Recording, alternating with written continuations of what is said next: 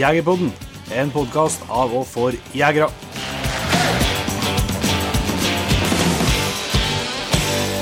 Hjertelig velkommen til en helt ny episode av Jegerpodden og Jon Inge. Det er altså ikke bare en helt ny episode, det vil også markere slutten på sesong ti. Neste uke er det sommerferie. Ja, tenk det, du. Tenk det, Når vi har runda episoden her, så kan vi, kan vi for evig si at vi har laga ti sesonger av Jegerpodden. Ja. Det er artig. Det kjennes bra, det. Det kjennes bra. Og det håper jeg at du som lytter eh, og setter pris på, har lyst til å være med både på denne episoden her og forhåpentligvis også sesong 11 da, fra høsten av. Ja, for det er ikke noe det er viktig å presisere at det er ikke noe markering av slutten. Jeg håper ikke. Du vet jo selv aldri, men håper ikke. Nei. Nei. Nei, Vi skal igjen ha litt spørsmål og svar fra våre svar fra oss, men spørsmål fra lyttere og dilemmaer. Vi har spurt om hjelp til det igjen. Vi syns jo det er veldig artig. Ja. Og det har, eh, jo kommet mye gode spørsmål her, og jeg tror vi var på over 250 spørsmål, tror jeg, så vi rekker vel kanskje ikke over riktig alle, da. Men vi skal i hvert fall gjøre et forsøk. Men eh, før vi går til det, Jon Inge, så som det her er siste episoden eh, før sommeren, så tenkte jeg vi må ta med litt eh, om det som skal skje fram til vi er tilbake. Ja. Eh, det første som eh, vi skal på, og sikkert mange av våre lyttere, og eh, håper vi å treffe der, det er jo jakt- og fiskedagene på Elverum. Og de, de, begynner jo, de begynner jo før i første episoden kommer. Ja, det jo, det er jo 10. til 13. august i år. Og første episode av Jegerpoden etter ferien er planlagt 11. august. da. Så eh, da er vi jo å møte på Elverum for dere som eh, vil det. Det er altså den 59. utgaven, hvis jeg kommer på rett, av Jakt- og fiskedagene. Og det er jo, eh, for dere som har, eh, har vært der, så vet dere jo at det er en eh, veldig, veldig trivelig samlingsplass for jegere og fiskere og friluftsfolk. Eh, Med masse, masse forskjellige utstillere. Jeg tror de er over 200 utstillere der òg. Og et program da som er fullt av mulig, alle mulige aktiviteter og foredrag. Det er jo blant annet i år, eh, så jeg har lyst til å få med meg i hvert fall eh, nordisk mesterskap i Steel Timber Sports. Ja, ja, du er, du er der? Ja, men vi har jo drevet og saga og styra med jordet før òg, men eh, det er jo imponerende å se på. Ja, det er det. Det er, det er en gjeng med, som eh, har en ekstremt god teknikk og, eh, og er kjapp som eh, lynet. Yes, det må man kunne si. Sånn at det er all mulig grunn til å ta turen til Elverum da, 10. til 13. august. Det er jo muligheter for utstilling av jakthunder for dem som, som trenger det før jaktstart. jaktstart. Det er jo den store Elverum-utstillinga på lørdagen, og så er det kvalpshow på søndagen. Ja. Så der er det jo muligheter. så Det er det vel, det er jo store tradisjoner. Klart Når de har holdt på i 59 år, så er det jo en del aktiviteter og ting som eh, de besøkende som har vært her i mange år, i hvert fall vet, eh, vet de skal ha med seg. Ja, det er, det er mye å få med seg. og Det, det er rett og slett eh, Det er vanskelig å få med seg alt på én dag. Så det, det er lurt å, å sette av et par dager. Og så er det det er, sånn, det, er- det er fin tradisjon. eh, Det har i hvert fall vært stort sett finvær de årene vi har vært her. Og så er det jo steikende fin eh, start på høsten, da. Det, så det håper jeg at vi treffer mange av våre lyttere, kommer innom standen vår eh, og slår av en prat. Mm. Og så må vi eh, nevne at det er en hel del eh, liveshow eh, planlagt eh, etter ferien. Ja. Eller både i ferien og etter ferien, for så vidt. For at eh, det starter vi opp med igjen nå 28. juli. Da skal vi til Lierne. Ja. Og så videre, så eh, 2. august, så det er vel en onsdag fort. Ja. Så er vi på Levanger på eh, bakgårdsfestivalen. Yes. Og så er det 11. august på Løten. Det blir jo under da jakt- og fiskedagene, så det er jo muligheter for å kombinere. Mm. Og så eh, 18. august så skal vi til Stjørdal, Skatval. Og så 19. august er det Overhalla Grande gård. Da kommer en Svein og blant annet og lager heldige elg, har han påstått. Så da er det muligheter for både mat og, og show. Og så frykter jeg, jeg har tenkt at vi to skal være med og lage mat og servere og greier òg, men Han, eh, han tror det, i hvert fall. han tror det. han, skal, han skal få leve i trua på det. Ja, må få leve en stund til, i hvert fall. 15. september, da skal vi til Lysøysund. Og 16. september, da skal vi som i fjor tilbake til Snillfjord. Yes, Og så er det da 23. september på hjemmebane i Rørvik, eh, som i hvert fall markerer slutten for det som er planlagt foreløpig. Det kan jo kanskje være at det dukker opp noe eh, innpå jul, men akkurat eh, fra 5. september og oktoberen og novemberen så eh, er det planer likevel, da. For å si Det sånn. er, kalenderen er tettpakka, Ja, så eh, det er mye som skal skje, men det, det er ikke så mye kamera og mikrofoner og sånn. Nei. Nei, så vi håper jo at vi treffer folk eh, masse, i masser på både jakt- og fiskedagene på Elverum og på liveshowene som er planlagt utover eh, sensommeren og tidlighøsten. Da. Men eh, vi har jo som sagt en lang lang rekke med spørsmål. Eh, så heldige er vi jo at vi har så hyggelige lyttere som har lyst til å være med og hjelpe oss å lage episodene her. Så vi må jo bare gå på det. Eh, Vi eh, var jo ute og sa at en skulle kunne vinne eh, nye skjorter Ja. fra Ravne, jegerpolenskjorter fra Ravne, som vi har fått nye versjoner av nå, som vi er veldig fornøyd med og veldig, synes er veldig fin.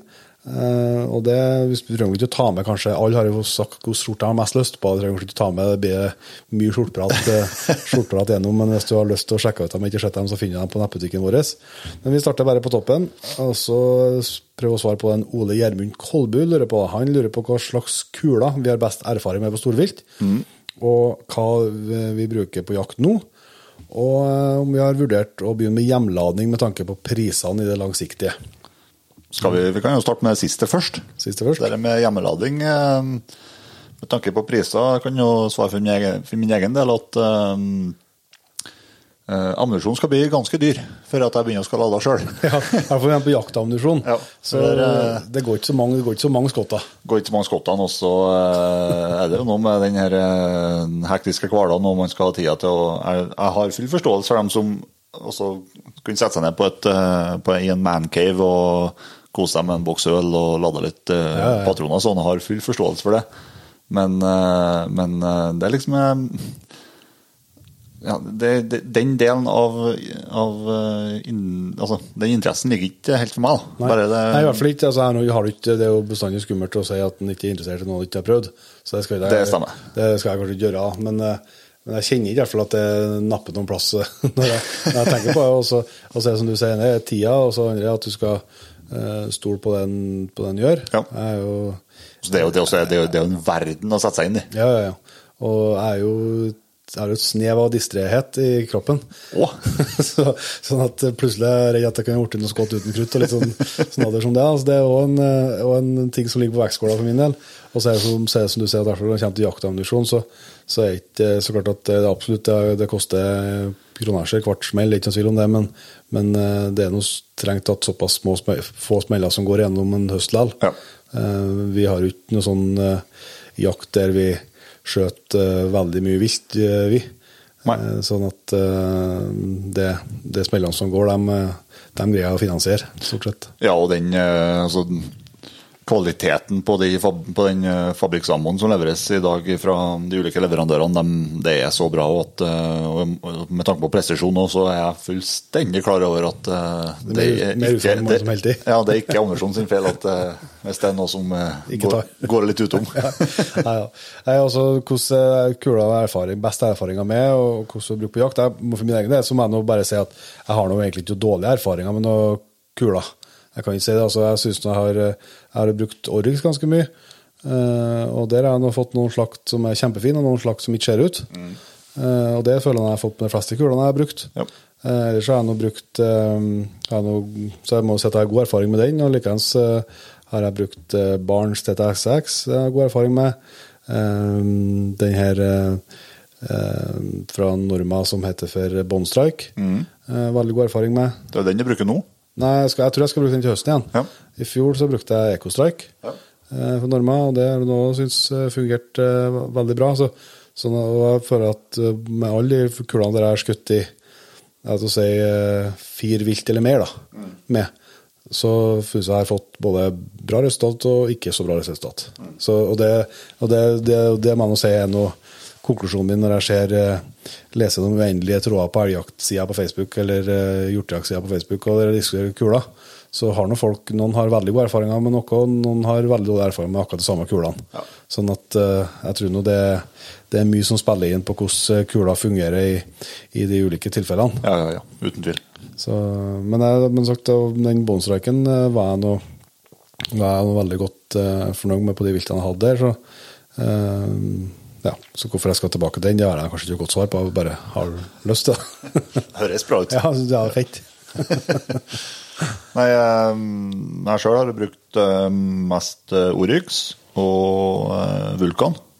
Vulkan. I de eh, Ja, i 857 og i eh, På Nitrem brukte jeg, der brukte jeg bare Vulkan. Og så Og så har jeg gått over mer til Oryx på, på 857. Um, og i de to siste, to siste årene ja, så har jeg jo gått innkjøp av den Silence Silence-utgaven. da. Eh, Av, eh, av Oryx. Og ja, jeg kan skulle si at jeg har merka store, fine forskjell, men, eh, men eh, jeg har noen korte løp, og den Silence-kula er nå er nå laga til korte løp med, med demper, så da Nå stoler på at de har gjort noe rett, ja. det er, det er imidlertid slipp. Jeg har jo, har jo begynt å ta til bruk 6,5 eh, en del nå på, på rådyr og hjort. Og uh, har, ja, har brukt Orix der òg, men uh, den er Der skal se om jeg finner, finner litt annen kul, da, for den, det blir fryktelig voldsomt. ja. Blir det. Så spesielt på, på rådyr og Små det? ja, den, ja, spesielt den hjortkalven som uh, vi skjøt på Jegertoner i fjor. på Han skjøt nå på kloss hold, da, men uh, ja, lårene ble fine. ja. Var det, ble stopp. Ja, han, han uh, gikk ned i smell, ja. Neida, så det, det er en evig diskusjon. og Det, det er noe, og som sagt, bare så det, altså jeg har full forståelse for dem som syns det er kjempespennende både med lading, eh, og at det helt sikkert er penger å, å, å spare på det. Altså. Og kanskje, det, er, det er kanskje mer i forhold for min del har vært mer i forhold til treninga. trening, ja, trening sammen, ja. At det har vært at det, men det, det er litt mm, det, det, jeg, har ikke, jeg føler ikke jeg har så mye mer tid jeg kan prioritere til jakt, hunder og trening enn jeg allerede prioriterer til det. Så, så det er noe med, noe med det òg. Det kan jo altså. endre seg senere i livet. Ja, og så ser, vet, um, ser man jo nå at det er jo, um, det er jo vanskelig delvis å få tak i utstyr, ikke utstyr, men uh, komponenter til, til hjemmelading. Det er enhetene som blir levert til landet, de, uh, Forsvinner fort, de ja. Men det vil jo sikkert rette seg etter hvert som Jo da. verden endrer seg igjen. Håkon på tur han har et enkelt og greit dilemma. Alltid jakt med hund, eller aldri jakt med hund? Og Da ryker jeg jeg skal ikke bruke noe mer tid enn det kreves på det for min del, for da har jeg alltid jakta med hund. Og den eh, jakta jeg driver uten hund, den måtte jeg ha sluppet. Ja. Den, uh, det gjelder samme for min del. jo? Så Martin Haugestad, vet du, god lytter av Jegerpodden, friend of the pod, som jeg kaller det. Eh, Han eh, lurer, har et ganske spennende sett her, syns jeg. Han lurer på om hvis vi kunne valgt mellom tre topphunder resten av livet. Og da, Ingen flere, altså dere kunne bare, fått bare tre hunder til. da. Men det har vært det ene vært tre topphunder. Eller hatt fri tilgang på middelmodige hunder ut jaktkarrieren. Hva han skulle vært da. Det er ikke så beint fram å svare på. vet du. Nei, det er ikke Jeg tipper han spiller jo litt på det som har vært en sånn saying som vi har tatt igjen mange ganger i Jegerpoden, som opprinnelig, sikkert mange som har sagt det, altså, men som i hvert fall for vår del opprinnelig kom oss ørene fra Omar Trøen, som var med som gjest i sesong 1 av Jegerpodden, som kom med det sitatet at han mente at det var like langt mellom en god hund og en dårlig hund, som mellom en god hund og en topphund. Ja. Så bare for å gi et bilde på hva en topphund kan være. da. Um, så hvis en da tar tre topphunder, da, så vil jeg si at nå er jeg 34. Så at eh, du kan ha en eh, hund da, som er topphund da, i la oss si, 11 jakthøster. Ja, Da, da går det kjempebra. Da har du flaks, ja. ja. Men altså, du må jo kunne Da har jeg, da har jeg hund i 33 år til. Da er jeg 77 år. Nei, unnskyld. 67. 67 år. 67 år. Så jeg er pensjonist. Så det vil jo si at jeg håper jo jeg skal kunne jakte ganske mye etter det. sant? Ja, ja, ja. Så det er noe, Men samtidig så har har jeg jo jævlig bra jakt de høstene, Ja. de 33 høstene der, da. ja. Men eh, så har du et kommer det et stort men at det er bare én hund. Ja. Det vil si at eh, du, samme hvor topphunden er, så kan ikke den jakte hver dag hele høsten. Det stemmer. Så eh, med det liksom på vektskåla, eh, og at, eh, og at Jeg kan, jeg kan skjøtte inn noe når det gjelder det med middelmådige hunder. For at altså, en, en topphund jeg vil jo si altså, er top notch og, og, og ja, full, full klaff på jakker og alt sånt. så Ikke sant? Ja, så den funker perfekt, da. Ja, ja. Må ta utgangspunkt. Men til jakt så får du, du får til jævlig mye bra jakt med en uh, middelmådig hund. Ja. Ja, eller en god hund, da, hva skal Ja, kalle det. ja. Altså med det resonnementet. Ja, jeg er helt, eh, helt enig. Det er klart at det er jo det her eh, som vi har jo fått snakka med, med veldig mye jegere som har hatt mye hunder, og kanskje hatt en eller to sånn virkelig topphunder. Så når du hører hva som er mulig, sant? du trekker opp et eksempel. da, Ta Oryx til broren din, som vi har sett på nært hold begge to, når du ser hva, hva han kan få til. Ja, ja. Eh, vi har snakka med en eh, ja, det er mange selvsagt, men det er en Robert Salomonsson har fortalt om Urak og det han har gjort, den Mm. hunden.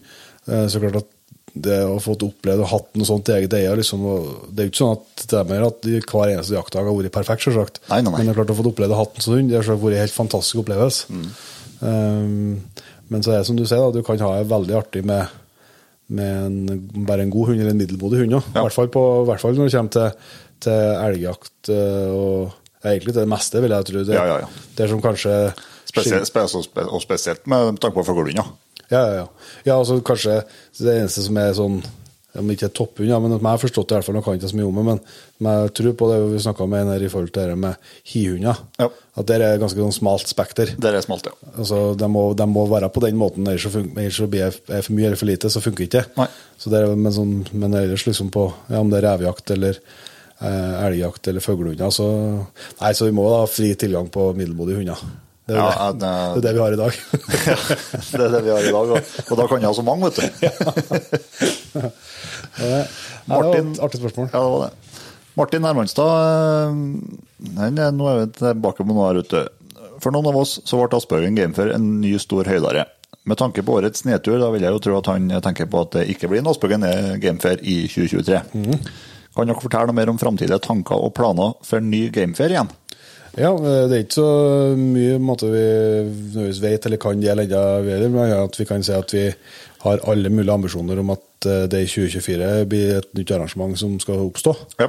Eh, Og så jobber vi med litt ulike planer litt på ulike plasser eh, for å se hva som vi eh, tror blir best, og, og hvor det for Det er jo ikke sånn at vi to får til det alene. Nei, vi må ha med oss eh, folk, ja. Ja, sånn at, eh, så det er flere ting som ligger på, på vektskåla der, da, men forhåpentligvis så skal vi ikke så langt utover høsten før vi, vi lander på eh, noe der og kan fortelle om hva som er planen, og, og hvor det blir, og hvordan det skal bli. og, og sånn. Men vi, vi ønsker jo å fortsette i det samme sporet med at det skal være en, en slags festival, altså der, der det skjer ting på kveldstid, i hvert fall to kvelder. Og samtidig er messeaktivitet og, og, um, og show og opplevelser på, på dagtid. Kan vi, så kan vi strekke så langt og si at det blir noe i nordre deler av Trøndelag. Ja, det er noe annet. Som vi bor her, så blir det bare noe annet. Ja. så Det er nå i hvert fall planen. Nei, men det, vi, vi bruker skallene våre til å, til å spytte på dette, så um, det blir, um, det blir spennende for oss å se hva vi ender opp på, hvor, hvor og hva det blir. Absolutt. Så en annen friend of the pod, Kenneth Øyen, han uh, lurer på uh, høstens jaktplaner. Hva de er. Uh, de er nå ganske forholdsvis samkjørt mellom oss, da. Så de kan jo eh, En del er planlagt, og noe kan jo ikke planlegge alt heller. Nei.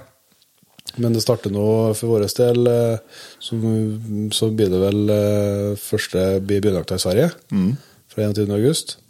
Det er jo, det er jo nytt, nytt for året med at vi har, um, at vi har eh, eget, eh, eget terreng nå, Ja. i med noen kompiser. Det er noen år siden ordet er over. Ja.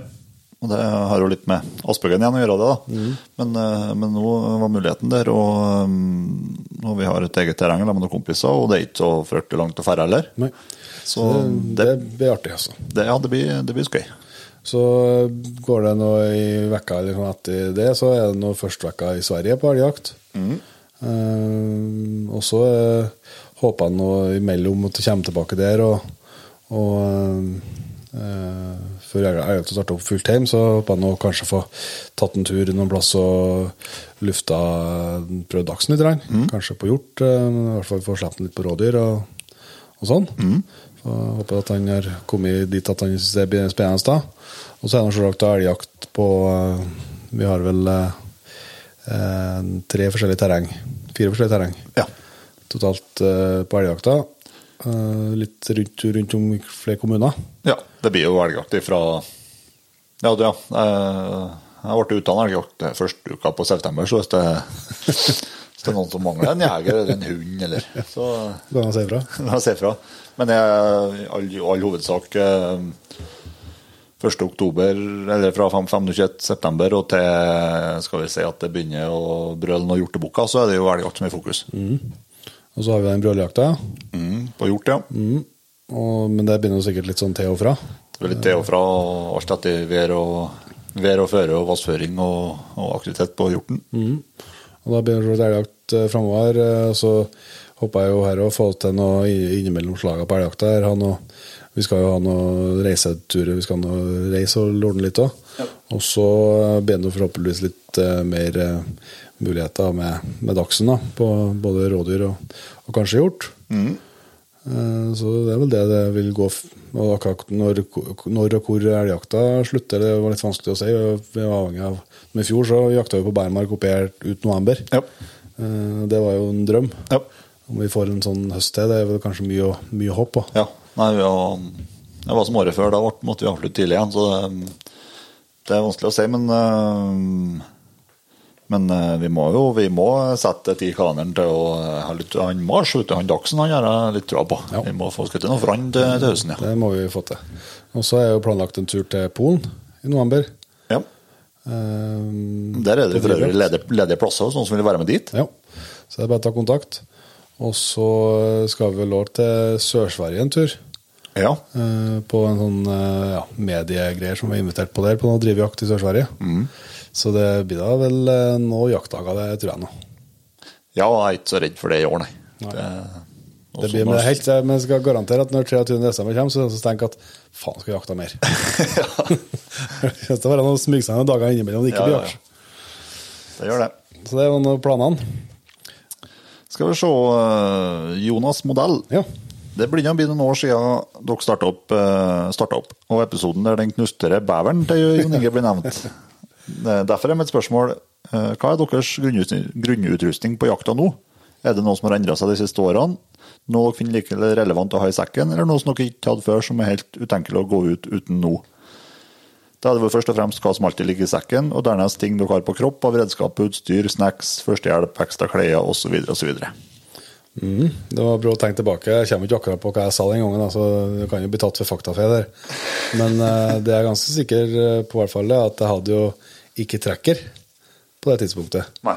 Og etter trekkeren kom inn, så har jeg jo en standardutrustning blitt powerbank. Ja. Eh, Det får jeg aldri uten. Og så har jeg blitt mer bevisst på det i forhold til førstehjelp. Så at jeg har noen førstehjelpssaker eh, i sekken nå. Det er jeg ikke sikker på om jeg hadde da. men- Til både deg sjøl og hund. Yes.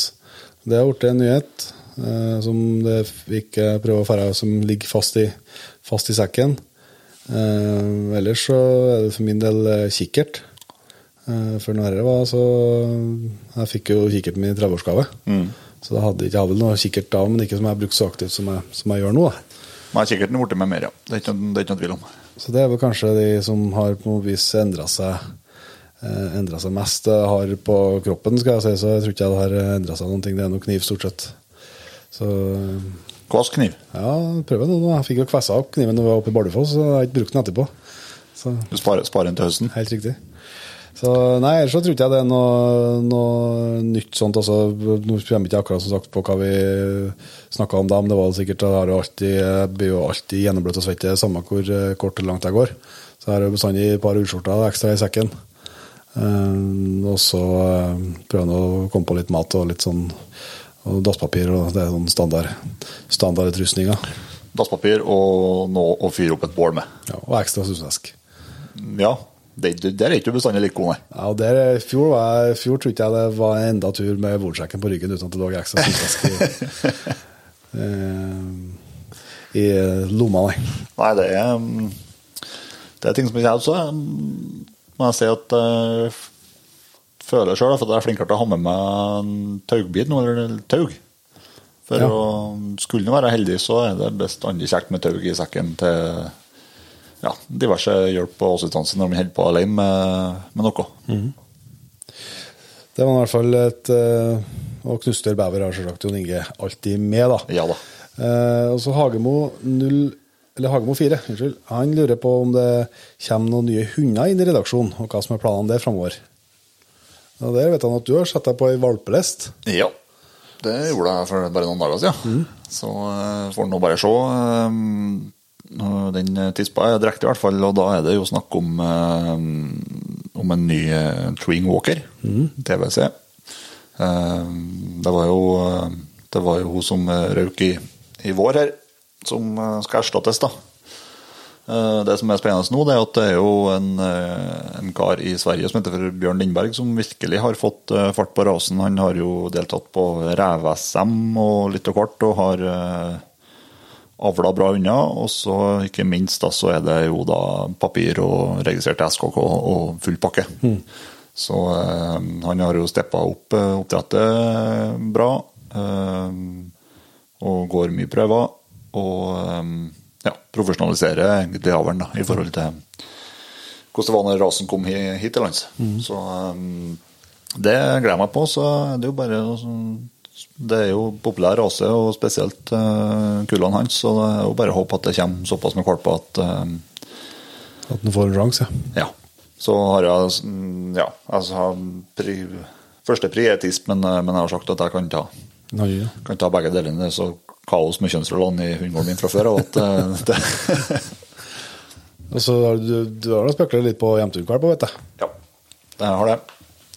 Ehm, ja, der er det jo, der er det jo uh, mye mer å velge, da. Ja, ja. Så der handler det litt mer om uh, timing og ikke minst å finne, finne rett individet. Men uh, der plutselig, plutselig kan jeg dukke opp noe mm, om 14 dager, eller om en måned, eller om to måneder. Så det er, ikke, er ikke like mye stress, men, eh, men det, det går jo rett og slett på at Brutus, som jeg har nå, er um, seks år.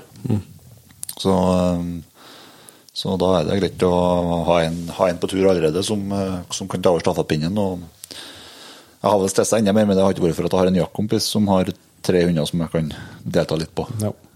ja, det er jo Nei, jeg har ikke noe, noe planer eh, nå. Altså, nå det har jo, jeg har jo ganske ung har jo, Først har han fire hunder, så det er en ganske ung, ung snittalder. Da er vi jo eldst på fire år, og så tjener vi jo to på to år og én på null år ennå. Så.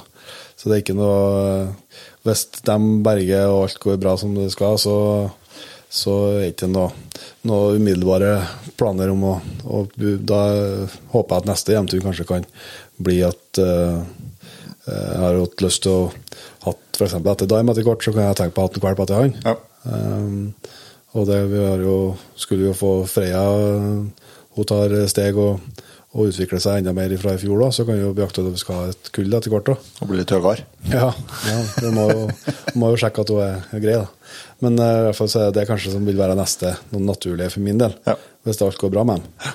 Uh, og så har jeg jo snakka om det flere ganger at jeg kan tenke på en fuglehund, ja. men det er ikke eh, det, det, det blir ikke alene på et vis, da. så det har litt avhengig av om, om Brage, gutten min, har fortsetter. Han virker, han tegner bra. Ja. Eh, Fikk to fisker i går og skal spise fisk til middag i dag. så Og da, da blir faren glad. ja, han var kjempeglad. Så, så det, og han er ivrig på jakta og på hundene også. Hvis han fortsetter med det og ser ut som han har lyst til å fortsette med det når han blir litt gamlere og kan være med, og holde til børsa òg, så er jeg veldig aktiv med en fuglehund òg. Men det er i så fall noen, noen år fram, og så vet jeg at jeg skal gå på en smell etter hvert, altså, med at jeg har såpass jevngamle hunder nå. Så kommer det jo et generasjonsskifte på noen år fram i, i veien her som uh, kan bli ballete nok. så må ikke, det, er, det er mange år til ennå. ja, må ikke rote til mer nå. Nei. Så det, uh, Da har vi en ny en her, har vi ikke? Trude Holtebu. Eh, hva syns dere om å ha med Hva syns dere om å ha med jenter på jakt? ja? Være være med eller ha med? Være med eller ha med, ja. Syns dere stemninga blir annerledes, og eller føler dere at det er noe dere må ta hensyn til, som dere normalt sett ikke gjør, når det bare er guttastemning? Eh, Nei, jeg kan faktisk ikke si at jeg merker så stor forskjell. da. Men klart, nå jakter jeg nå mm, veldig mye i lag med, med damer òg. Mm. At uh, Samboeren min er veldig ivrig, og vi har òg flere damer på jakt, på jaktlaget. Ja.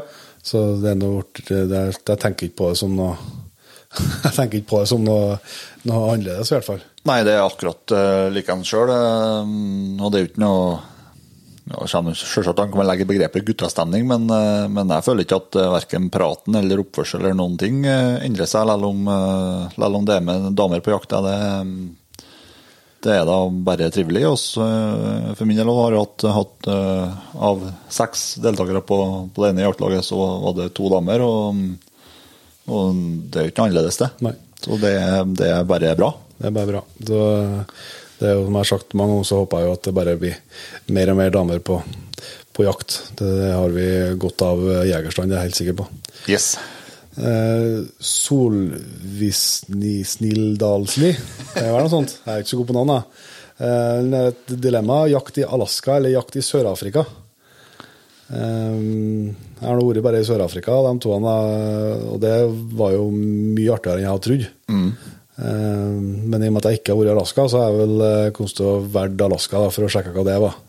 Og så har jeg gjort meg opp en mening at jeg visste hva begge var. Ja. Jeg vet ikke hva, hva noe av delene er. Men Alaska slår meg som et kaldere land enn Sør-Afrika. Og jeg er bygd for kaldere, kaldere klima. Ja, vi er det. Kjell Arve Hoem han eh, har et nytt spørsmål om eh, ammoen. ja. Jaktammo det er hva vi bruker både som treningsammo og jaktammo. Jaktammo var vi inne på i stad. Eh, treningsammo der eh, det er jo ikke fryktelig spennende heller. Det er, går stort sett i eh, Norma jaktmatch. Ja, han brukte en normal trainer. Ja. Og så har han jo sikkert også brukt eh, alt mulig som de selger på den lokale skytterbanen. Ja. Til 8.7 så kjøpte jeg Podium fra Inter Jakt Markusene. Ja. Eh, veldig godt fornøyd med dem. Eh, ikke så all verdens dyr. Eh, og går bra i børsa mi. Nei, jeg tror, jeg, jeg tror med de siste to-tre årene så tror jeg bare har hatt eh, jaktmatch og den treneren, Ja. faktisk. Um, Molo the- det SV. Det ja, kan det være. Jo da. Eh, aldri jakt alene, eller alltid alene? eh, da tror jeg jeg tar eh, Jeg syns jo det er helt Eller så jeg, jeg syns jo det er helt optimale er å jakte to stykker. Ja. Eller altså, jeg syns det er kjempeartig å jakte alene òg, men to stykker er veldig artig. Eh, og så er det sagt eh, jaktformen som det brukes mest tid på nå, er løshundjakt på elg. Uh, og da er det jo jæklig kjedelig å være alene. Ja. Eh, altså, det skal nå ut noen elger, om ikke så ofte, så hender det noe. Så da er det bra å være to. Ja, men så kan jeg legge det på at en jakter alene og ikke alene. Og så mm, selv om jeg og du jakter elg i lag, så det betyr ikke nødvendigvis at vi ser hverandre Neida, i løpet det- av den jakta. Det er ikke helt riktig. Så det er jo et uh, poeng, selvsagt. Så nei, jeg tror jeg faktisk, eh, selv om jeg elsker jakt alene, så har jeg, hatt, jeg har drevet like mye med skogsfugljakt som jeg gjorde før med fuglehunder, Ja. så jeg kommet til å være alltid alene. Um, for at det syns jeg var helt uh, optimalt sånn. Men der er det jo uh, kunne jo være sånn at en for på jakt og lag, men ikke så hverandre nødvendigvis så mye. Mm.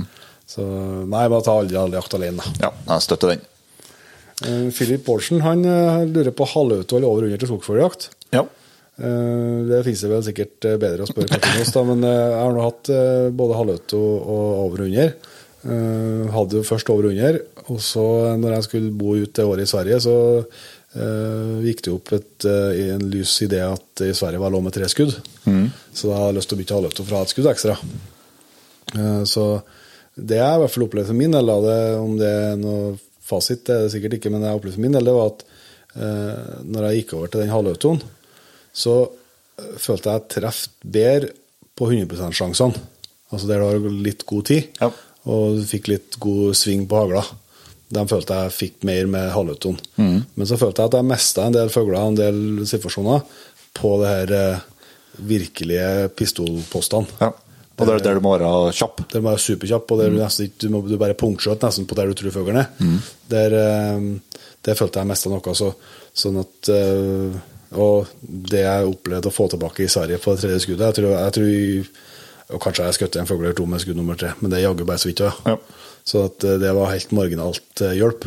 Så derfor så, så storfuglejakt så har jeg nok Da har jeg gjort det, så bytter jeg nå ut uh, til en over under igjen. Så Nei, jeg tror eh, det er det Jeg har jo stort sett bare jakta med halvautomat, men, eh, men eh, jeg ser jo dem som virkelig er ivrige, dem, De, det er jo overunder, og det hører jeg både du sier og, og bror min sier jo litt og hvert at de, det blir jo et kortere hender åpen mm. og, og kortere løp, og at man da føler at du slipper den biten med låskasse. At man da føler at man blir ja, du får kjappere sving og får en raskere posisjon, og at man er, ja, alt går litt fortere. Ja. Så det er i hvert fall eh, det vi har opplevd, da. Ja. Jo Bjørnar Rien Ja. Han lurer på hva vi syns om utstyrsjaget. Både butikker, influensere og til dels podkaster forut fram mot alle, spesielt yngre jegere. Ja, Det har vi vært inne på i Jegerpodden mange ganger, eh, Jo Bjørnar, og det er noe like aktuelt og godt spørsmål nå som, som tidligere ganger. Eh, altså, når det da Utstyrsjag, utstyrspress, eh, kall det hva du vil, eh, er jo selvsagt eh, ikke bra. Det er jo ingen som vil ha, og ikke vi heller. På noe som helst vis så vet, skjønner vi jo selvsagt at vi snakker om, om mye utstyr fordi at vi er glad i utstyr, og velger å bruke mye av de få pengene vi har til overs på, på utstyr. Mm. Men det er jo fordi at det er rett for oss. Eh, sånn, jeg tenker litt sånn for våre steder, altså du skal for butikkene og, og influensere på de som må, svare for seg sjøl, men, men for min del i hvert fall så, så har det som har vært hele poenget for meg når vi har holdt med Jegerpodden, det er at vi to skal være oss sjøl. Skal akkurat likeens når vi holder på med podkast som når vi ringes på telefon eh, og det ikke er podkast. Mm. og da er jo det på godt og vondt. Eh, forhåpentligvis mest på godt, men, eh, men på vondt altså er jo at vi er på ekte glad i utstyr. Ja. Det er ikke noe vi later som at vi, vi er, men samtidig så har starta, som jeg har sagt mange ganger, starta jeg med ombygd eh, tyskmauser, og, og den, eh, i hvert fall i Spir, så skjelgosen her skjøt fortsatt skjøt han med den tyskmauseren, Ja. og han døde på stedet. Så, og, eh, hvis, eh, og hvis jeg ikke har hatt muligheten til å eh, bytte ut den, så har jeg fortsatt kommet til å jakte. Ja, ja. Så, så, og det, vi ser, prøver å si det til alle unge jegere som tar kontakt med oss og spør om hvordan børs de skal kjøpe seg, eller hva de skal gjøre. Så prøver vi nå å være så edruelig som mulig. Og tipse om å handle brukt, både klær og, og utstyr. Eller klær og våpen. Eh, og du, de klærne du har til, hvis du har klær som er nesten vanntett, så holder de til å dra på jakt. Eh, og, det, og du, du låner ei børs, det er like bra som noe annet. Så, så vi prøver på en måte å balansere det. Samtidig så, så prøver, må vi være oss sjøl, da. Ja, og det altså, Vi, vi starta en plass, vi òg. Og det syns jeg i hvert fall hører på, på de gjestene vi har med oss. sant?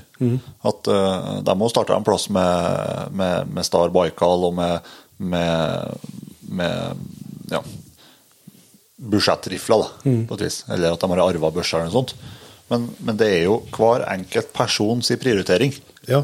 som, som betyr her også om man, om man eh, ja, hvor mye man jakter og hvor mye man, man vil legge i det, Mm. og hvor mye interessert man er i utstyr. Og det, Du blir ikke noe bedre jeger av det. Det er, Nei, nei, sånn, nei. det er må, du bruke, må du bruke pengene dine på, på å kjøpe deg jakt og, og på at du må ha litt mer fri fra jakt mer, ja, gjør det. Ja, Kom deg mer ut i skogen. Det blir du bedre jeger av og får mer opplevelse av Yes. enn fett utstyr, uten tvil. Så, og, så, og så håper jeg jo at uh, med Jegerpoden da, at uh, vi er jo på en måte som, som vi er, men vi har jo med veldig mye gjester. Uh, og felles for alle gjestene våre så er jo at det er dyktige og lidenskapelige jegere. Og så vil du høre, hvis en hører på Jegerpoden over tid, at mange av dem er, er jo ikke sånn som oss. Nei. De er, jakter kanskje like mye, kanskje mer enn oss, og mange av dem er utvilsomt dyktigere jegere enn oss. Men de er ikke noe interessert i utstyr. Nei, det hører jeg de sier, også, spesielt når du spør om våpenskapet. Altså, nei, det, det er ikke noe spennende. Nei, og det, og det er jo akkurat like bra. Vi er akkurat like glad i dem som gjester. Og det håper jeg jo at uh, Jegerpodens lyttere òg er. Ja. Som dem som har vært sånn som oss og, og prioritert og brukt både mye Og så, så er det jo det jo at vi har jo holdt på med å handle utstyr og bytta oss oppover, på hvis jeg får kalle det, ifra vi i noe over halvparten av livet. Det er klart det gir eh, Det blir noe annet enn når du starter som, som 14-åring eller 16-åring. Sånn at eh, Um, det er nå på et vis et slags svar på, men jeg håper at, at vi har med gjester som, som viser at du kan være en veldig både dyktig og, og lidenskapelig jeger uten å være interessert i utstyr som vi er, og kan være med å balansere litt på, på vegne av Jegerpoden i hvert fall.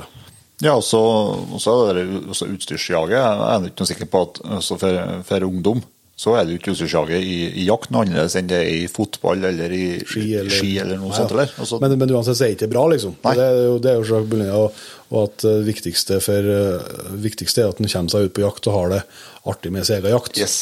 Ikke at du skal måle deg verken med andre verken når det kommer til utstyr, eller på hvor hvor grad man eh, lykkes eller ikke lykkes med jakta, eller hva skal være. Det viktigste er å være trygg på deg sjøl og være sjøl, og, og gjøre det som er, som er rett for seg. Og så skal vi selvsagt eh, prøve å, å eh, balansere så godt vi kan eh, det som vi skaper av utstyrspress. da. Men det, det prøver, føler jeg at vi prøver å gjøre. altså. Men så er jo selvsagt også, når vi kommer til butikker her, så det er jo en god del folk rundt om i landet her som lever nettopp av å selge jaktutstyr. Butikkene må gå rundt, dem òg. Ja, og, og for, for, for oss så er, er dette med markedsføring og reklame det er en del av det som vi legger til grunn for at vi skal klare å opprettholde Jegerpollen som arbeidsplass. Ja. Så, så, så helt unna det kommer, er liksom vanskelig å komme, da. Ja. Selv om vi, vi prøver å være ganske edruelig med det. Så det var i hvert fall et, et, et forsøk på å si at utstyrspress og utstyrsjag, i den grad det finnes, og det, jeg, tror, jeg vil jo tro at det oppleves veldig ulikt. Noen opp, kjenner nok veldig på det. Eh, og det, det syns ikke jeg man skal gjøre, men noen, gjør jo det. Og så vil jeg tro at det er en del som ikke kjenner på noe press eller noe jag i hele tatt. Ja. Så, så det er nok veldig ulikt hvordan folk eh, opplever. Men at det finnes der ute, det, det gjør det jo helt sikkert. Og det, det er ikke bra. Så i hvert fall et forslag til svar, da, Jo Bjørnar. Yes. Eh, Neste spørsmål. Thomas eh, Eisar. Ja. Eh, han lurer på om vi kunne ha jakta med én person i hele verden, uansett hvem det har vært. Hvem hadde vi valgt, og hvorfor? Kan vi få starte, du? Så har det klart. Jeg føler jo press til å svare Jon Petter meldingen her, nå, men ja, men det, det, det, er, det, er noe greit. Vi skal nå jakte i dag. Nei, jeg, jeg tror jeg, altså, jeg, jeg, leser spørsmålet som at ikke at det blir den eneste personen resten av livet. Altså. Jeg leser det som at du kan få liksom, dra på tur med, Ja. med den du hadde tenkt deg. Uh, en som, som jeg syns er en artig eh, kar, kommer med mye rart også, for alle er det ikke bra alt han kommer med, men som kommer med en del interessant, og som jeg ser er litt interessert i jakt eh, og sånt, i hvert fall innimellom, det er en kar som heter Joe Rogan. En kaller podkastkollega. Han driver kanskje verdens største podkast. Litt forskjell på oss og Jegerpodden. Han Jegerpodden, men, men han syns jeg virker som en, en smart fyr. eh, Og som, eh, er- som jeg, kunne- Det er jo artig å få dratt på jakt med han en tur. ja. Det syns jeg kan vært tøft. Uh, Faen, du ble så internasjonal, du. ja, det var sånn Thomas som foreslo hele verden. Så. Men det går an å finne noe i Norge òg, helt sikkert. Ja, helt sikkert. Nei ehm,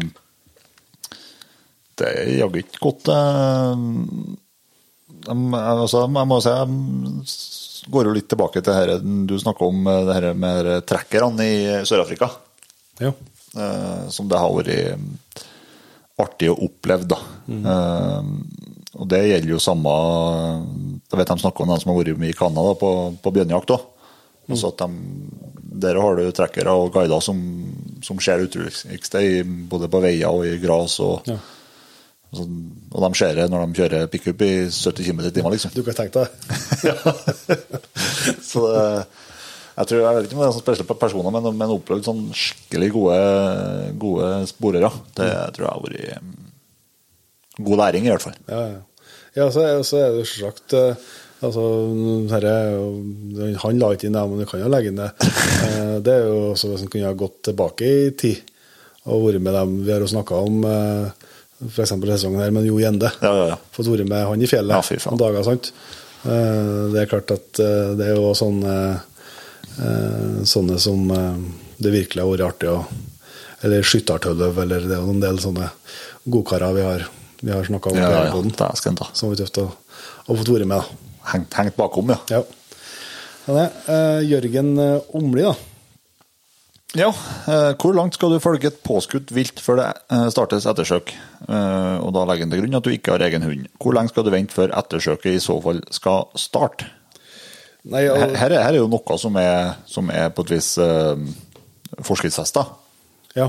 Altså da man eh, gjerne skal vente en time før man starter et ettersøk og litt sånt. Jo, men, eh, men det som er i hvert fall den første delen av spørsmålet her, så, Ja. så, så det, det, det er et eh, Det er, er veldig enkelt på et enkelt i teorien, og så er det litt vanskeligere i praksis. Ja.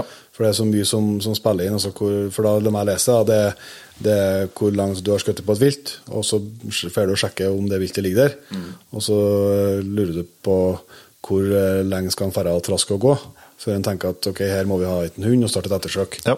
Uh, og da syns jeg det enkle svaret på det jo før, jo bedre skal du bryte av. Ja. Uh, for at om det her viltet da uh, Om du har skutt på en åker eksempel, og har sprunget av, eller om du har skutt på oppe i fjellet eller i skogen og det ble bort, Mm. har du truffet godt, så, så ligger det bortpå her. og da er, det bare fin trening for den hunden som kommer, Eh, og det vil, det vil ikke ødelegge noen ting. Eh, men hvis det ikke har gått så bra, eh, og det er skadeskutt i, så vil du, vil man plutselig kunne ødelegge ganske mye for den ettersøksjegeren som kommer, og for den som kommer, med å ferde trask og gå manngard og lete og, og skal bare og skal bare og skal bare. Sånn at eh, derfor så er det Men så er det akkurat også når det kommer til meter og, og sånn, det er jo- så avhengig av terrenget. Ja, ja. Og Ja, og, og ikke minst altså, hvor godt man kjenner altså, du, får, du har en viss følelse på skuddet, Ja. og så ikke minst også hvor lenge du ser viltet etterpå, ja. etter skuddet, Ja. og til at det eh, forsvinner av syne. Ja, men det er i hvert fall eh, mitt sånn eh, jeg har ikke jeg på noe vis noen erfaren ettersøksjeger, men eh, de gangene det skjer, så, så vil jeg nå at det bare egentlig er skuddplass som er markert. Ja. Hvis du også har du jo sett og hørt at, eller sett og hørt at dyret har falt i, så er jo én ting. Mm. hvis du føler deg 98% sikker på at det ligger en eller på plass der, for jeg har hørt det datt i hop, så er jo én ting. Men hvis du liksom ikke har den, eh, du er usikker, så er det egentlig bare å sjekke skuddplassen. Og du vil aldri oppleve en ettersøksjeger som, som, deg, som blir sint på deg fordi at du har kalt litt ettersøk, og så går den 50 meter med hund i bånd, og så ligger rådyret eller elgen eller hjorten. Det, det vil vil aldri skje. Nei. Men du kan eh, få en ettersøksjeger, om ikke på nakken, men i hvert fall litt lei seg og oppgitt, hvis man har foregått manngard frem og tilbake og leta i, i to timer før det var ringt. Ja. For da er utgangspunktet så mye vanskeligere. Så eh, Og i tillegg, hvis, da, hvis man i tillegg da har prøvd å skru av sporet med to-tre andre forskjellige hunder, så er det fryktelig forstyrrende. Ja. Ja, så, så det er jo Det vil i hvert fall være mitt tips. Og, og heller kalle det et ettersøk eller et dødsøk for mye enn eh, for lite. Eller altså begynne for tidlig enn for sent. Um, X Lunden uh, har et dilemma her som uh, vi får se. Han lurer på jakt uh, and med jevnthund eller jakt storfugl med dags. Den er klink jakt storfugl med dags. Ja, det tror jeg òg. det tror jeg er enk enklere, ja. Det, ja. Nei, ja, det, Det er det, enklere. det er vanskelig å se det begrunnet. ja, men, ja, men, men du kan, det er enklere å, å henge på en eh, dags innenfor eh, heglehold på storfugljakt. ja, enn det å henge på en Jevnthund som skal prøve å finne den der, ja. Det vil jeg si. Evig jaktmarker eh, lurer på hvilke blyfrie kuler vi har prøvd, og hva vi syns, og om vi blir bekymra for et eventuelt blyforbud på rifleammunisjon, og om vi ønsker en slik endring velkommen. Uh, ja, var inn på dem her. Prøvde nå bare to stykker. Det er jo Barn TTSX og um, Norma Ecostrike. Ja. Det er det eneste blyfrie jeg har eh, prøvd. Og de syns nå begge har fungert eh, helt i henhold. Det har noe, eh, kulene har nå tatt det de skal ta, og de har nå fått den effekten de skal ha. Nei, Jeg er klink blymann, så jeg har ikke prøvd noe. Nei. Så, så, så jeg, i, i 308 og 306 som jeg har brukt, så har jeg ikke sett noen grunn til å være bekymra for et eventuelt uh, blyforbud. Uh, samtidig som at jeg heller ikke er noe Uh, har levd på elgkjøtt stort sett hele livet, og alt har vært skutt med bly, og jeg har ikke noe forhøya blyverdier, så jeg er heller ikke noe bekymra for, for uh, blyforgiftninga i verken naturen eller, uh, eller um, i kjøttet. Som følge av eh, ammunisjon, i hvert fall. Så det, så, det, så det er ikke at jeg Jeg skal ikke så jeg syns det, synes det er et større problem på, på hagesida enn på riffelsida, som jeg ser det i hvert fall. da. Ja. Det må jeg si. Ja, og så er det, ja, også i forhold til om hva som blir reglene på, på skytebaner og sånn. det er jo men på jaktkula med riffel så, så tror ikke jeg det er det største problemet. Men, eh, men det er som du sier, at en sliter med å skjønne eh, poenget og hensikten med det. Så er det en eh, Rune Melsom, da. Ja.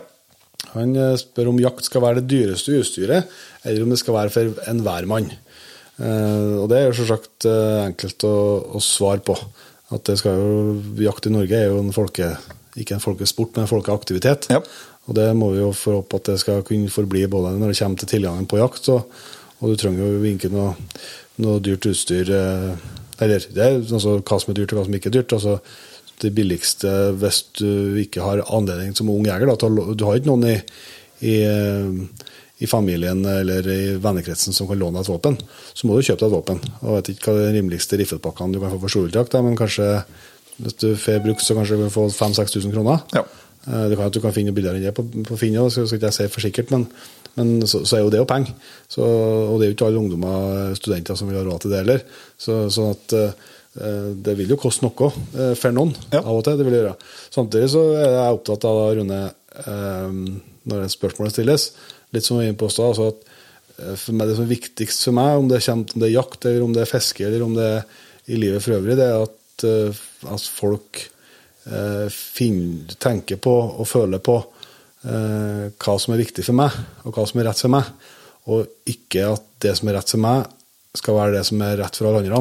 Og i det så legger jeg at hvis eh, det f.eks. er noen av dem, jeg, jeg tror jeg vet om noen sånne, eh, som egentlig ikke er så ivrig på jakta, men som er veldig glad i utstyr og våpenet. Våpen synes det er kjempespennende, Ja. og det gir dem mye i livet deres. Jeg syns det er helt topp at de får drive med det. Og for dem som ikke i hele tatt er interessert i utstyr, men kun er interessert i eh, å ligge i sivet og vente på antrekket, det er de som gir dem mest. mm. så synes jeg det er helt topp. Kjør på, gjør det. Og syns du at det er veldig artig å dra med hund, og det gir deg mest, ja, så gjør det. Da er det rett for deg. Så, det, så den her liksom at det skal være noe enten-eller, eh, det, det, er ikke noe, det er ikke noe fan av. Jeg syns at eh, det er viktig at du finner ut eh, og Det er det samme altså hvis og Vi snakker om andre eksempler. Hvis du, hvis du finner ut at eh, For meg så er det egentlig jakta det handler om det sosiale. Det er det som skjer i hytta på kvelden. Middagene, det er det som gir meg mest. Eh, Så, så gjør det. Det er kjempebra. Det er akkurat like bra som alt mulig annet. Så, så det med at liksom det skal være det ene eller det skal være det andre, eh, det, sånn tror jeg det, skal, det viktigste er at folk eh, finner ut hva som betyr noe for dem, og, og gjør mer av det og, og har det bra med seg sjøl. Det er i hvert fall eh, Det er i hvert fall eh, min mening, da. Men selvsagt er det ikke sånn at eh, det skal være noe utstyr som eh, setter stopp for at folk skal få lov til å eh, kose seg på jakt. Det kan ikke være. Bra. Ola Krokstad han lurer på om det kommer flere episoder angående drivende hunder. Og da relaterer han til f.eks. trening og innjaging av dachsen til Jon Petter. Ja, det, altså, det vil jo sikkert bli en del prat om mars utover høsten. Det håper jeg nå og tror på. Yep. Eh, Og at det kommer flere episoder angående drivende hunder, og det gjør det òg. ja, det allerede spilt inn én. Ja. Mm, så, så det gjør det, og det kan fort være at det kommer en, en eller to til òg. Ja. Så, så det vil det nok òg gjøre. Også, Det, er bare det er bare å glede seg til den kommende sesongen, rett og slett. Ja, og det var nå en som spurte om det tidligere, at han syntes det var lite, lite prat om, uh, om Mars uh, foreløpig. Og Det, er ikke, det handler jo mest om at han er bare fem måneder ennå. Ja. Så at vi er full, full båndtvang og det som er. Så, Men han, eh, han her jeg står på. En utrolig trivelig, trivelig og fin hund, og som eh, har de rette tegnene synes jeg, på at han eh, har lyst til å jage òg. Så Ja. det, det tror jeg han nå blir. Vi må spåre litt med den nå.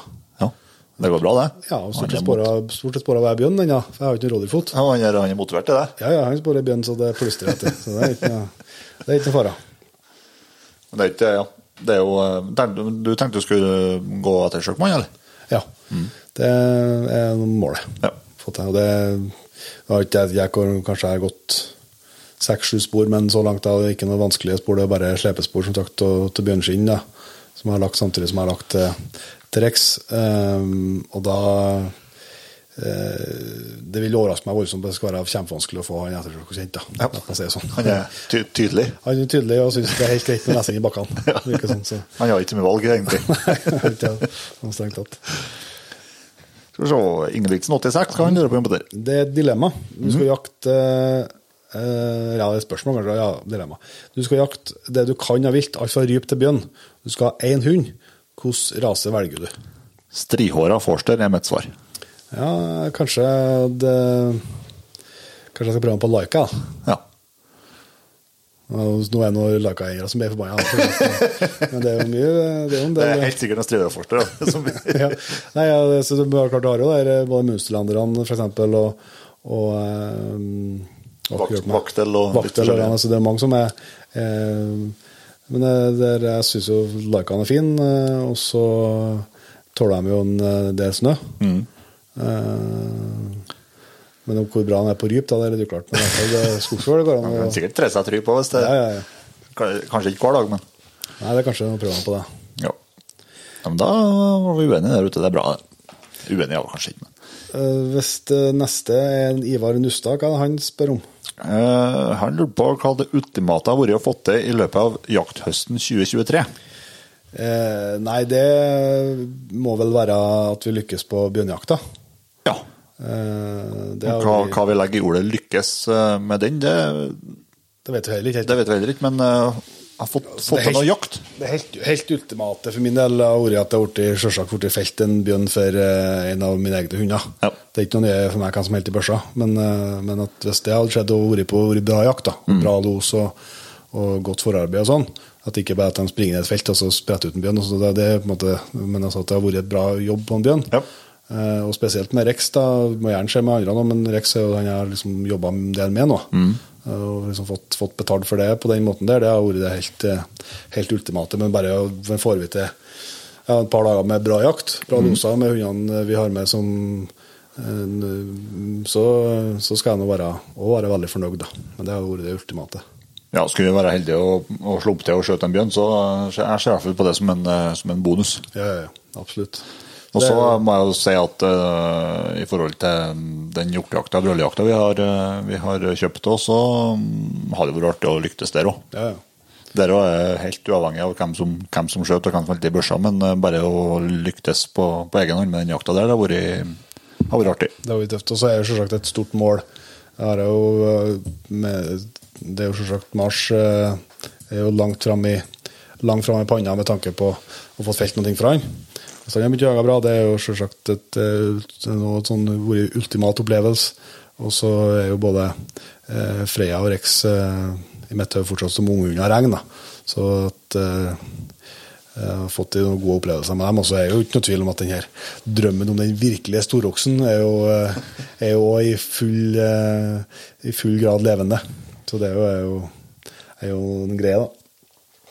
Det er bra vi har noen mål for høsten. Yes. Ola Eikeland ja, på Dagsen jeg, måtte, jeg lurer på hva slags seler du bruker på Dagsen, og hva slags fôr du bruker den.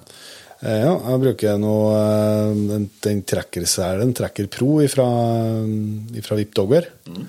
Det er den jeg, den har ikke Jeg kan ikke si at jeg har slett ut verken sela eller bånd på han foreløpig, men den, den, når jeg har brukt sela til når jeg har vært på tur og, og sporinger, så er det den jeg har brukt. og Det har fungert bra. Det som jeg liker med den, det er at det er et håndtak oppå den, sånn at det går an å løfte den litt. Ja. Det. det er jo fint på en dags, da. Også, For, så- for han har en tendens til å ville punne ting. ja, og han kommer på en del som ikke jeg kommer. Det er sånn. og så eh, fôr jeg bruker på han, og han går jeg kun på tørrfôr eh, foreløpig. Eh, og da bruker jeg nå et fôr ifra, ifra VIP der òg. Mm.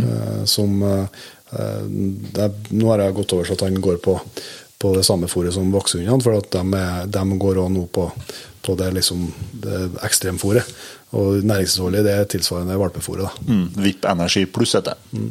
Så det, det er det han, han går på nå. Det synes jeg nå eh, frem til Det er bare akkurat de siste dagene så vi har begynt. Vi har fullt bytta over. da. Vi har bytta fra valpefôr eh, nå, da. Så ja, mm, Dere burde kanskje sikkert ha sjekka med noen flere, da, men som jeg har forstått det liksom med valpefôret, så, så, så er det- jo Valpefôret er jo bare det er vanlig hundefôr, men bare mer energi. Ja. i- Og mindre pellets. ja, og mindre pellets.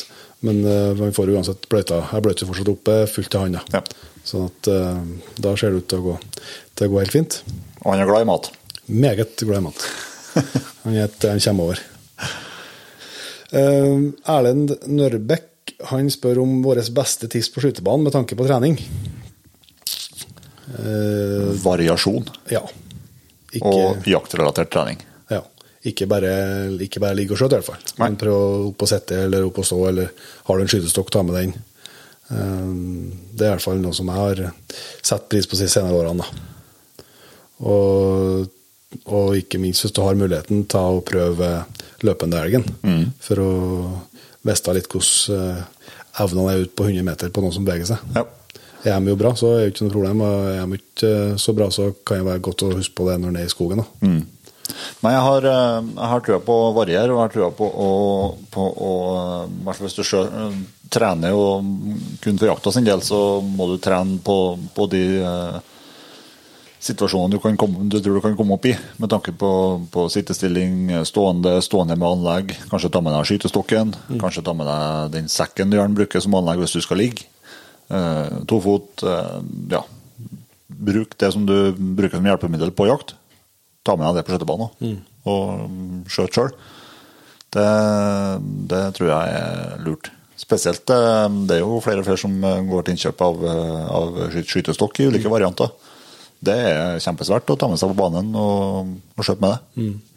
Ja, og likeens som er mulig på en del baner, i hvert fall, som, så det at du kan få til å skjøte stående med anlegg.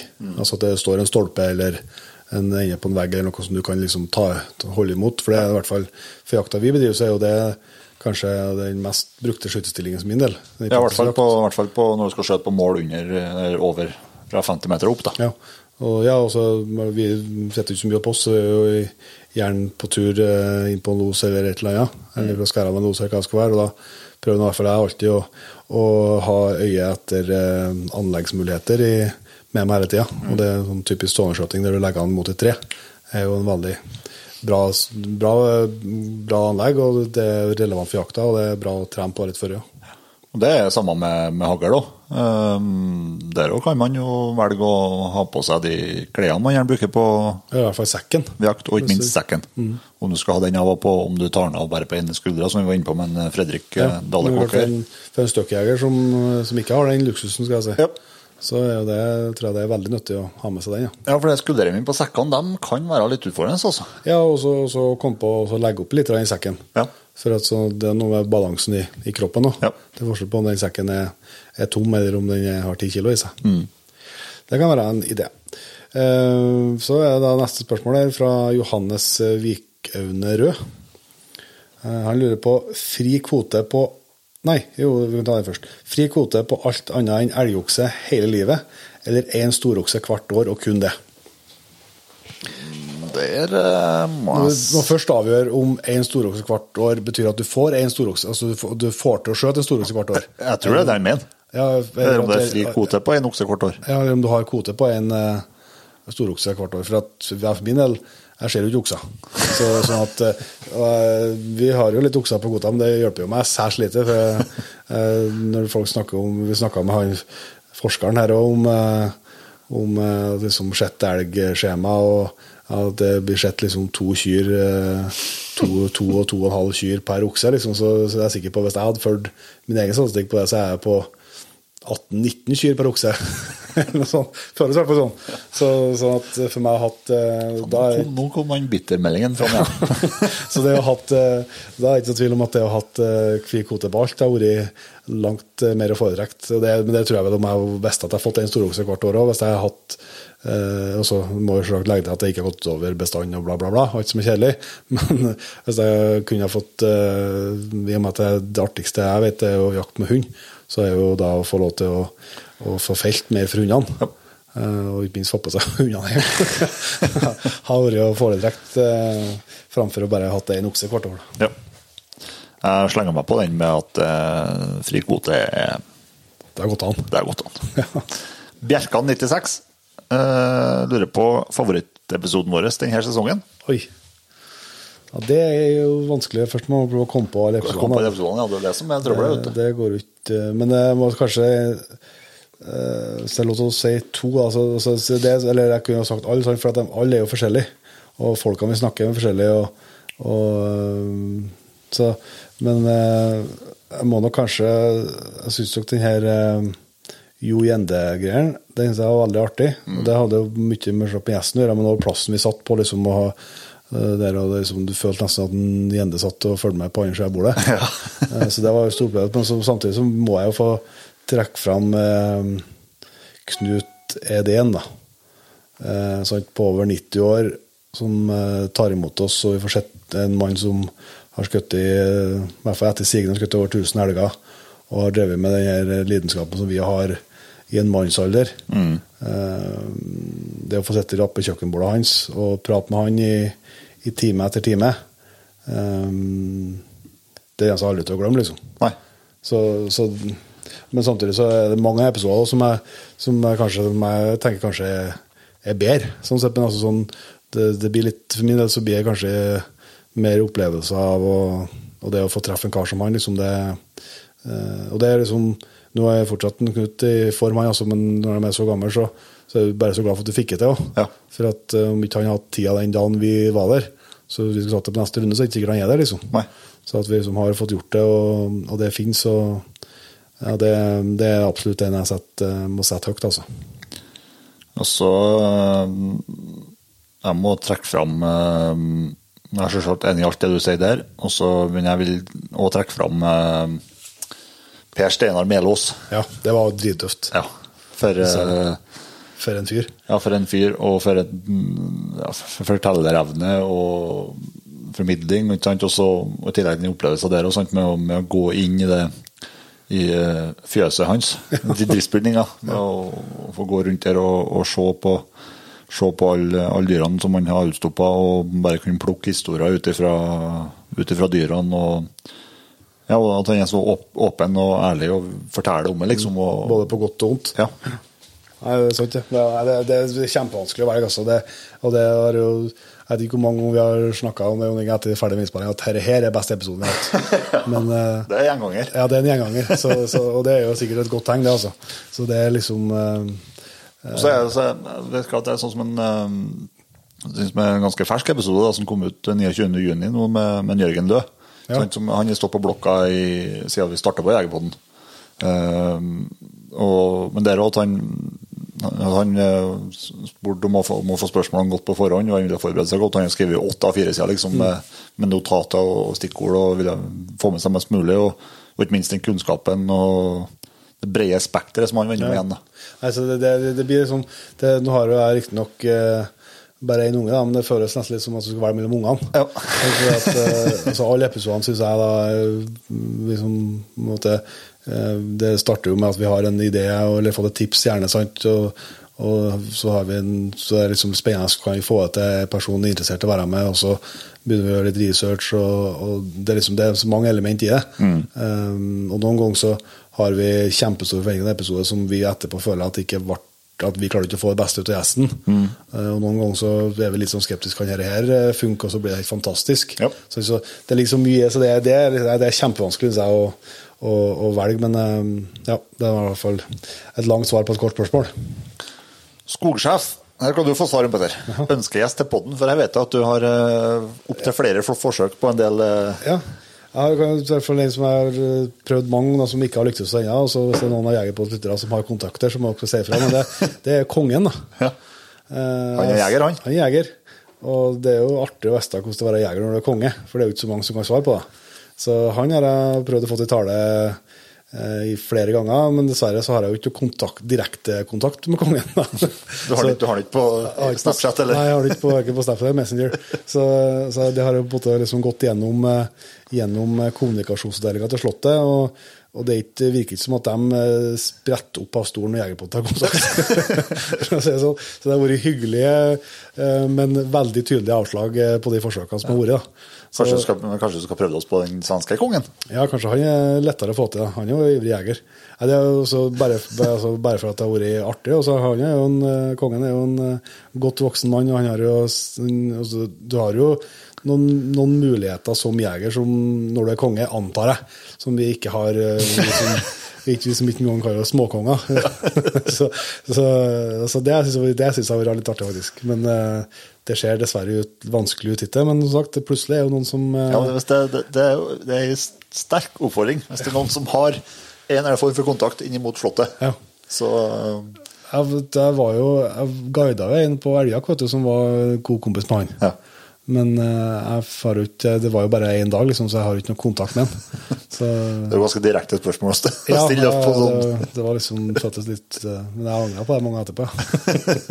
For jeg er jo så naiv at jeg tror kanskje at, at hvis kongen sjøl har fått spørsmål Ja. Du, Det er to gutter oppe i Trøndelag her som driver som holder på med jakt og syns jakt er det store livet. De har så lyst til å prate med deg på en podkast. Ja. Så tror jeg de syns det var artig. Ja, ja. Så tror jeg de synes det var mye artigere enn å ta nok et intervju med NRK eller, eller eh, VG eller noe der. Ja, jeg er helt sikker på. Det, men det er liksom det at han må kunne ta det valget. Og det må vi Og, og ikke kommunikasjonsavdelinga. ja, for at jeg skjønner at de tenker at nei.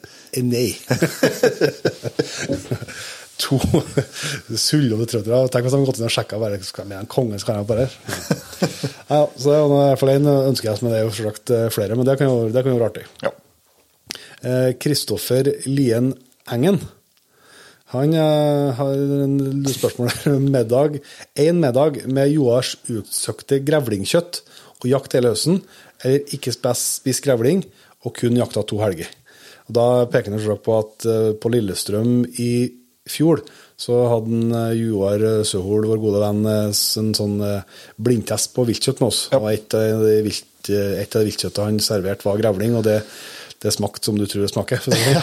For det måtte å få det, det, så, så det første smaken i starten var ikke så, var ikke så gæren, men det, den her ettersmaken, og som den satt Ja, ja. altså det, det bar borti barn til slutt å, å kjøpe seg en shot med vodka. Ja. Ren vodka. Og, for, for å skjøle litt. men eh, men eh, jeg skulle glatt ha klart å spise en middag med, med Joars utsøkte grevlingkjøtt mot at jeg får jakte hele høsten, ja. Ja, og så vil jeg jo tro at hvis vi altså Joar er jo en meget, vil jeg si, dyktig kokk. Sånn at det kjøttet vi fikk der, det var jo bare stekt. Det Ja, så vidt det var stekt. Ja, så vidt det var stekt. Så det var ikke gjort noe med meg. Men klart at han eh, ordna med litt sånn sous vide og litt saus og noe greier, så det er sikkert ikke blitt så tullete. Så da hadde jeg Ja, da, antagelig- det bra. Ja, det gjort det bra. Så jeg må ta oss en grevling med i dag. Eh, Ronald Benonisen han lurer på hvis vi måtte ha valgt punkt 1, alltid ha med ei på samband, snakke på inn- og utpust uansett setning, eller nummer to, eh, jakt uten noen form for samband. Jakt uten noen form for samband. Klink. Det er vel det jeg gjør i stort sett. Ja, det er det.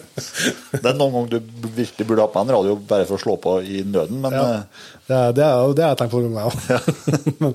Nei da, det er jo bra å ha jaktradio, men eh, det er godt uten da. det er veldig godt uten. Så, men, og, og det, det, er, det er ikke mye her i verden som kan kan bli så varm i toppen av nettopp som det å ha en person på radioen som, som prater og prater, og, og gjerne, gjerne i sånn eh, eh, og det har jeg jo sett på, på trekkeren eksempel mange ganger, at jeg kan kalle opp og si at du, nå er det elg på vei mot eh, posten, du må følge med.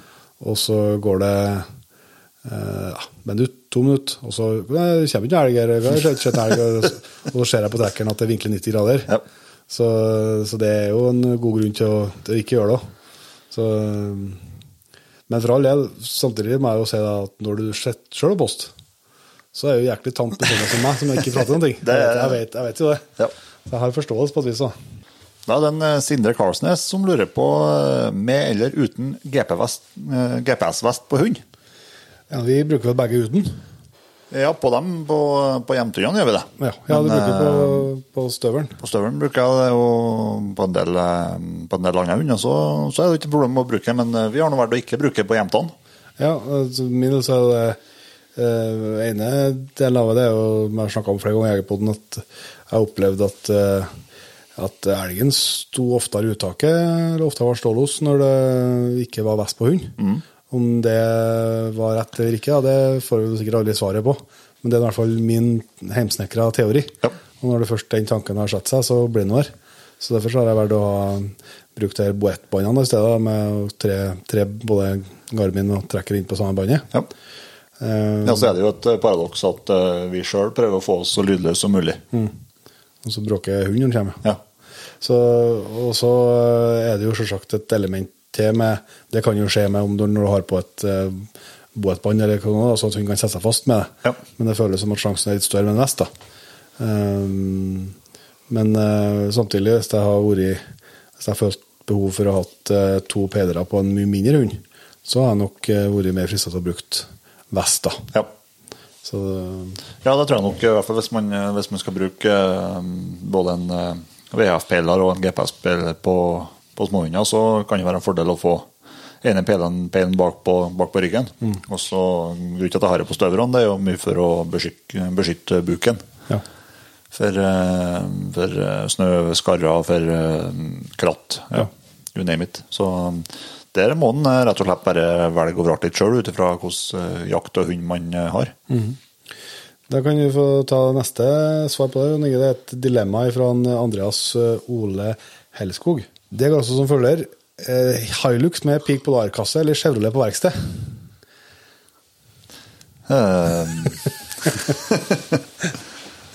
Nei, Akkurat nå er jo Chevrolet eh, Nå er den jo virkelig oppe og, opp og går. Ja, det er artig, da. så får vi se hvor lenge det varer. Så, eh, nei, Så lenge Chevrolet står på verksted, så den ikke bruker den, så da må han kjøre Hilux, da. er det er ikke verre enn som så. Jeg, jeg skjønner jo det at du, om der Chevroleten velger å oppføre seg de neste to årene, så begynner du fortsatt å forbinde med at han står på verksted. ja, ja, ja. Det kommer ikke til å gi seg, nei. Det må du ikke bekymre deg for. Stian Trana Vestnord, da, Inge. Hva han lurer på? Han lurer på eh, hva som er forskjellen hvordan, på hvordan vi forbereder oss til ny jaktsesong nå, kontra når vi starta opp Jegerpodden altså for fem år siden, i 2018. Ja, men tenk tilbake, da, jeg tror kanskje ikke det er sånn kjempestor forskjell. Det som sikkert er tydeligst forskjellen for min del, det er nå, altså, at når vi starta, så hadde jeg jo bare to hunder. Hadde jeg ikke og Tinka. Nå har jeg jo fire, så det gjør jo at eh, eh, den kondisjonstreninga på sommerhalvåret spesielt da gjøres litt på en annen måte. Eh, med, noe med, mye med ATV og med trekk. Uh, det gjorde ikke så mye da. Da var det mer eh, ja, sykkel og kickbike og springing og sånn. Mm. Også blitt- det, det er blitt mye mer. Det så har det blitt mye mer, ja, Ja. ikke minst. da. Eh, Så det er kanskje den tydeligste eh, forskjellen. Og så tror jeg kanskje at jeg gjennom pratene eh, og sikkert litt mer erfaring sjøl, så har jeg kanskje blitt litt flinkere til å, til å skjøte noen flere skudd. Og som vi var inne på tidligere her, og med å, å variere treninga litt mer. da. Ja. Det tror jeg kanskje en har, har blitt bedre, for å kalle det det, de siste, siste årene. Så tror ikke jeg det er sånn Så er det klart at en del av forberedelsene er å planlegge sesongen. Ja. Og det ser jo så klart også litt annerledes ut nå når vi har dere som jobb, kontra den gangen vi starta opp og hadde, hadde Jegerpodden og en eh, full jobb i tillegg. ja. Og så, jakta stort sett i helgen. Ja, så gjør det at en kan planlegge litt mer inn. Mm. Kanskje måtte detaljplanlegge mer den gangen enn en gjør nå. Ja, nei, det, nei jeg tror det er, jeg tror det er, mm, jeg tror det er kondisjonstreninga på hundene og skjøting som er de mest åpenbare forskjellene, ja. Det, mm, det er det også Ja, det er, ja, plutselig så er nå datoen der, og da er nå like stressa og sover dårlig Ja. natta før uansett. Ja. Cato Bakke han eh, lurer på om det finnes noen fine bannhundterreng i Namdalen. Det, må Det gjør det. Det må jo absolutt gjøre. Nå kan ikke jeg si at jeg vet hva som er nødvendigvis skal ha så fint bannhundterreng og ikke, da, men som jeg ser for meg det optimale for bannhund, eh, hvis jeg skal ha det, så det har vært det samme som jeg syns er optimale med elghund, altså det fjell, fjellnære jakta. Mm. I litt åpen fjellskog syns jeg er artigst å jakte i. Mm. Og det finnes det jo en god del av. Det gjør det, absolutt. Men det, det Eh, finnes mye tette plantefelt her òg. Det er mye av det òg, men, eh, men søker en litt lenger opp i terrenget, så, så finner du masse gode bannhundterreng. Og, og, eh, og det, er, det er masse fin furuskog som det går an å, går an å snike Ja. Mm. Bra. Eh, Roy Lasse Thorheim, da. Ja, han eh, tenker hva vi uh, syns om denne den der Sporio, som er det nye nå, der du kan laste ned en app og betale for ettersøksavtale via en, ja, en løsning på, på nettet. Om vi tror den har en framtid, om det kunne vært interessant å få en episode med folkene bak appen. Det er absolutt interessant, så det tror jeg vi skal gjøre for å si det først. da. Ja. Jeg synes at vi er jo, Hvis du har ført Jegerpodden, så har du kanskje lagt merke til at vi er glad i eh, alt som er nytt, og spesielt det norske som starter opp med å prøve nye ting. Syns vi er artig å, å vite mer om, og, Ja.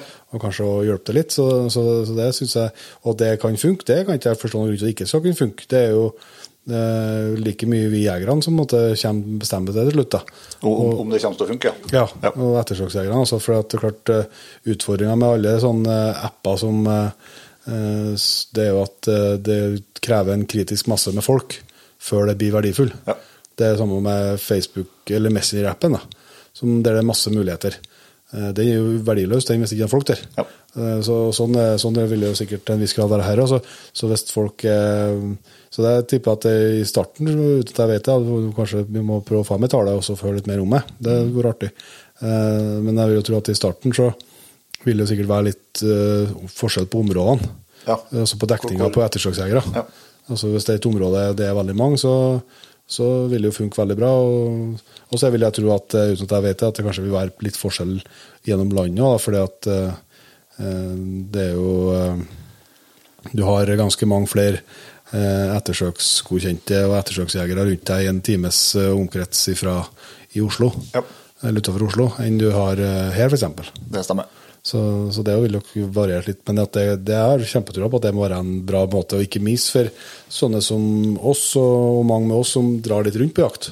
Um, at du da kan f.eks. Uh, uh, ja, få vinne trekking på ei bukkejakt, eller bestille deg bukkejakt en plass. Og så når du kommer dit, så bare inn på appen og fikse avtalen da. Ja. Det virker jo som en kjempeidé. Ja. Det gjør det. Skal vi se eh, Vidar Tretteteig. Dilemma jakt med jevnthund og aldri få skutt i noe, eller jakt med gråhund og lykkes hver gang. Hvis det finnes så gode gråhunder, så eh, ja takk. Ja, men samtidig så Jeg har ikke, jeg har ikke lyst på en jaktform og eller en jakthund som gjør at jeg aldri lykkes. Og har ikke jakt- lyst på en jaktform og en jakthund som gjør at jeg bestandig lykkes heller. Nei. Så det er litt sånn Men det er klart at Det, her var et, eh, det var et skikkelig dilemma. Ja, så for at det er jo ikke noe, det er ikke noe artig hvis en vet at det bare går ut og slipper til gråhunden, og, så, eh, og så blir det garantert greit, eller?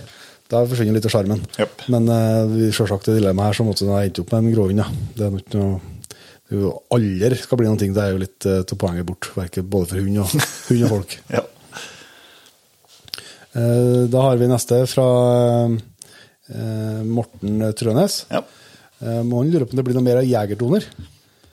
Det, Det, det blir det. Det blir det. Det er ferske nyheter. De er bare noen timer gamle for vår del òg. Ja. Men uh, jaggu har vi klart å komme i mål eh, med hyggelige og dyktige og snille samarbeidspartnere i år òg. Mm. Som gjør det mulig for, eh, for oss og for Magnus og for Svein å dra på tur nok en gang eh, med kamera på slipp. Det, så nei, det, blir, det blir en sesong tre, og vi har vel aldri visst så lite, vi to. Nå er det jo produksjonsteamet som, eh, som har planlagt mer, og vi vet særs lite, så det er ikke så mye Vi, mer å si om det det. høres ikke ut som vi skulle få vite noe heller. Så det blir vel blåtuller på ekte. Vi har bare fått begynt å beskjed om noen datoer i kalenderen. Vi. Ja. Så det, det blir mer jegertoner, og det er vi veldig, veldig, veldig glad for. Eh, og det håper jeg at eh, det er flere som eh, er, da. Så får vi se hvordan eventyr det blir, det blir i år. Mikael Gerhardsen yep. han lurer på hva er det beste nye utstyret vi har testa det siste året. Da er jo, må man prøve å tenke på hva han har testa, men det er to ting som helt sånn åpenbart skiller seg ut til meg. Det er noe nye sekken fra Voren som kom i fjor. da. Det blir jo fortsatt innenfor siste året. Ja. Eh, og da er min favoritt borti den som heter EV30, eh, med, med ekstra sånn eh, multi-pouches på, eh, på eh, hoftebeltet.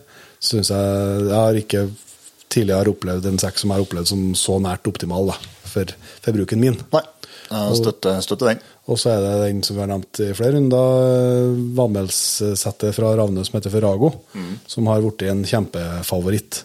Så av det liksom nye som jeg har testa siste året, så er vel de toene som på vis skiller seg ut mest. da. Og så er det klart eh, eh, har vi jo eh, Kjøpte jo ny børs i fjor, da. Kjøpte jo en, eh, en Blazer Ultimate Carbon, eh, som jeg syns er så vakker at jeg blir nesten våt i øyekroken når jeg åpner våpenskapet og tar ut av stryk og sånn. Så det er jo sagt ekstremt godt fornøyd, men det er jo fortsatt en Blazer R8 som jeg hadde før òg. Ja. Men eh, det er jo en, eh, det er jo en eh, nyhet i noen retninger. Eh, nei, jeg må nesten bare Ja, det, det er samme med, med Vornsjekken, den EV30-en, og det er samme med Rago-dressen. Og det er samme med, med, med at jeg kjøpte ny blazer. Jeg gikk jo for en Ultimate, men jeg gikk for en Huntec. Eh, Det som er Det var en uh, heldempa Silence-utgaven i 857. Eh, angrer absolutt ikke på at, uh, på at jeg ombestemte meg i siste liten og gikk for Silence. Det mm, er jeg glad for at jeg gjorde. Og så har jeg blitt veldig Jeg har sagt mye rart om 600 men jeg har blitt veldig glad til 600-løpet der òg. Det, det så jeg senest på oppskjøtinga nå, at eh, jeg skjøt godt med det løpet der, altså. Um, men så en annen ting der, det er um, Gjennom det samarbeidet med, som vi har med, med Blazer, så har vi fått tatt uh, termisk på testing. Ja. Eh, og det, kan jo starte her med å si at eh, nå er jo ikke vi noe eh, Eksperter på det. eksperter på termisk eh, og sånt. Eh, vi har jo testa ulike modeller, som, eh, men eh, vi er langt fra en eksperter. Men eh, den Limke Kyler som, eh, som de da fører, den syns jeg er et meget godt alternativ eh, i forhold til det, vi har testa før òg. Det handler mye om eh, størrelser. Mm. Ja, for det er en spotter. det er en spotter, som du, og det er en, eh, en monospotter som du da enkelt har i lomma. Altså det vil si at han blir med.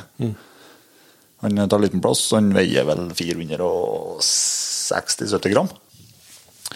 Eh, og så er funksjonibel, det vil si at han eh, ja, Det er sånn eh, håndrem på den som gjør at du, når du putter hånda inn i håndremma, så holder du den som et uh, lite videokamera. Eh, og så eh, har du alle funksjonene på, på, på de fire fingrene som er på toppen av Ja. Termisken. Så du har tre knapper, og så har du i tillegg et scrollehjul du, som du bruker på menyen, men som du også zoomer med. Ja. Så du har alt tilgjengelig uh, på ja, fun- funksjonab- funksjonabiliteten, og så er det at han er, han er så hendig og fin å ha med seg. Og så er han jo også uh, Ja, han er bra. Eh, alt blir liksom Jeg føler at den, alt blir litt lysere. Eh, Du ser eh, konturene bak dyret, du ser terrenget bak dyret litt bedre enn med, enn med de andre modellene vi har testa. Og så er det jo selvsagt Det som er, det som er med termisk, det er jo at du kan ikke sammenligne en termisk til 50 000-60 000 kontra en med, som koster Nei, det blir som 10-15. vanlig, optikk på tiss. da. Helt korrekt. Så, eh, men jeg syns i hvert fall det er et um, godt alternativ. Og um, jeg mistenker at uh, redaksjonen er nødt til å kjøpe seg en sånn en. da. Du mistenker det? Ja, jeg mistenker det. For at eh, jeg har blitt såpass glad til den at eh, og, Når du først har begynt å, å bruke termisk til, det, til den måten vi, vi jakter på, så er det jo ikke, vi, det er jo ikke mye smygjakt, sånn, men det er jo for å spotte dyr Mm.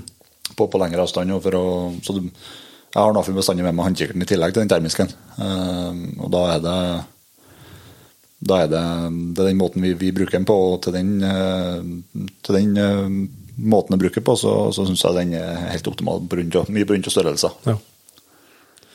Bra. Eh, vi kom ikke, vi kom ikke utenom litt i dag, da. Nei, vi gjorde ikke det. Må bare beklage, ja. Men vi, er, Vi vi, vi, har, vi har, og er fortsatt dønn ærlige på at vi er glad i utstyr. Eh, også eh, Ola Morstad her, han lurer på om det blir noen jaktprøver på oss i år. Og om det blir livestream fra ungdomsmesterskapet i Løshund. Kan ta jaktprøven først. Jeg har absolutt ambisjoner om å gå eh, forhåpentligvis flere jaktprøver i år. Eh, både med Rex, han kunne jeg gjerne tenkt meg å ha gått med i fjor òg, men han eh, hadde mangla en utstillingspremie på i fjor. Den er på plass nå, så det er noe mål. Og likeens med, med Freya plan å gå og prøve. Og så er det jo litt tidlig å si, syns jeg, ennå med Mars. Men eh, klart, hvis han kommer i gang så tidlig som, eh, som jeg håper, så er jo det målet å få gått noe prøve med han og eh, ute i sesongen. da.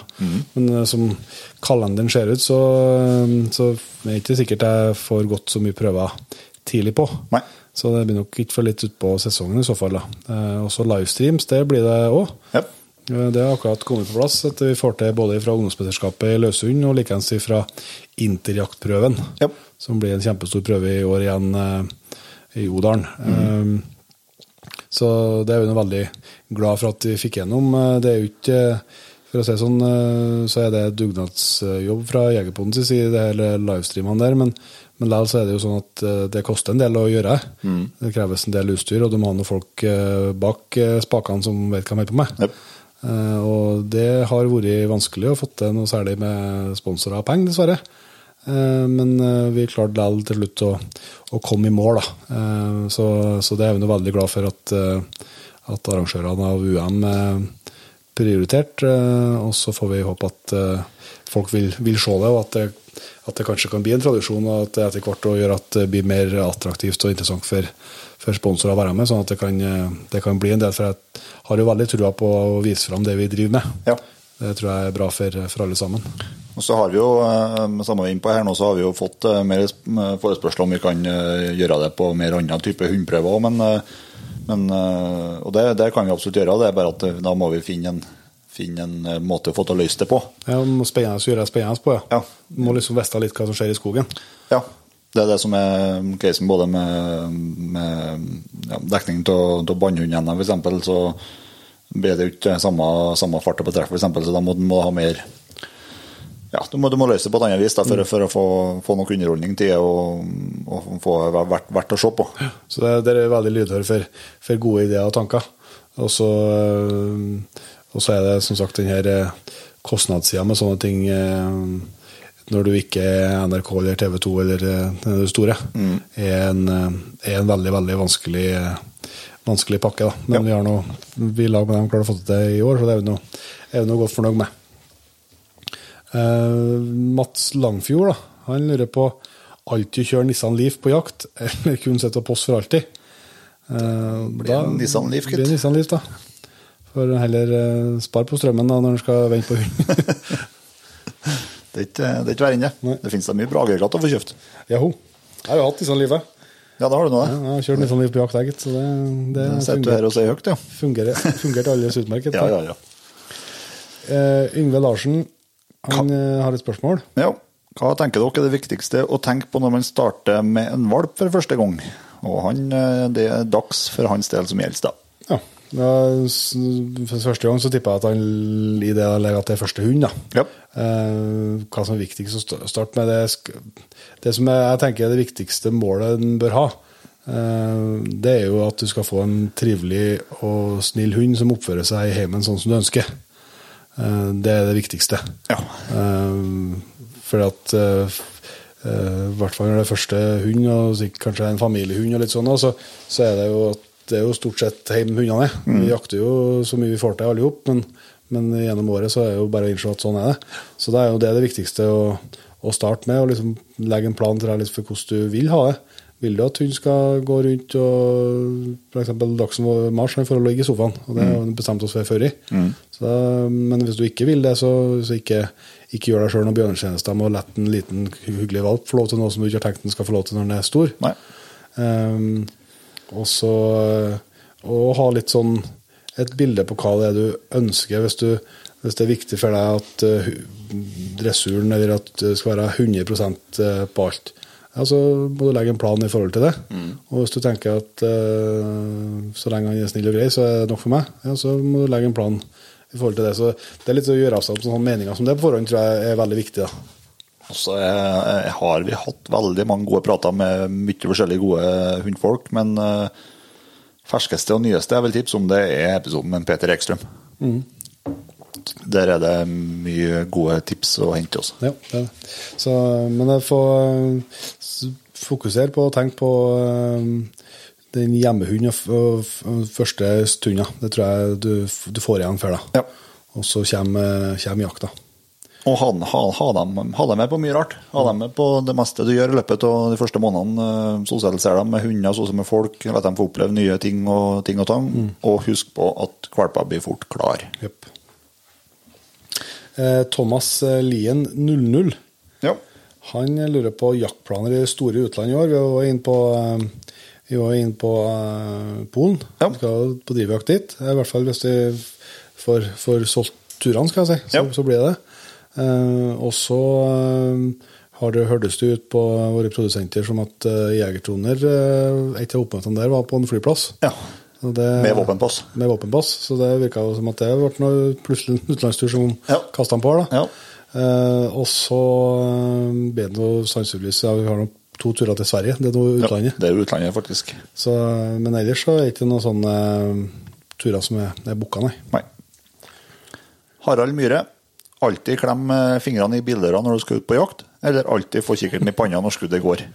Da vil jeg, da vil jeg anta at det, at det er på jakta, det òg, da. Ja, ja, ja men alltid, alltid kikkert i panna når skuddet går. Så det er jo alle skudd som går, så skal kikkerten i panna. Ja, Eh, Da tar jeg kikkerten i panna.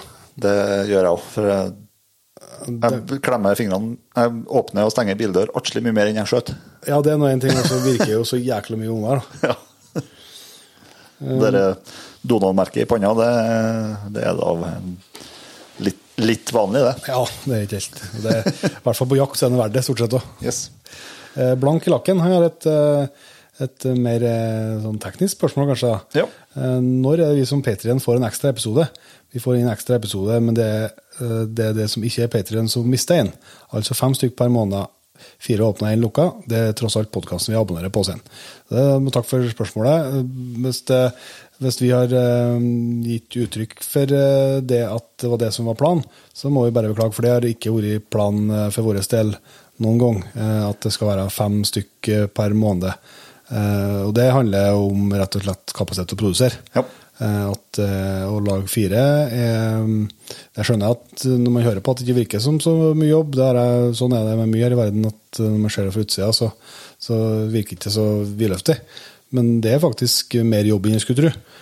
Eh, Sånn at å begynne å produsere fem i måneden, det tror jeg over tid vi ikke har gjort lurt i, for å si det helt enkelt. Ja, og, og om vi da skulle ha vært å gjøre, så tror jeg det har kommet seg til å merkes veldig godt på forløpet. Altså en, en episode til i måneden i løpet av et år. Det har blitt ganske mange mer episoder. Det tror jeg du, du som lytter har kommet til å merkes godt på innholdet. Ja, jeg er redd for det. Så, så det har ikke vært verken plan eller ambisjon eller eh, tanken eh, blank i lakken, det. da.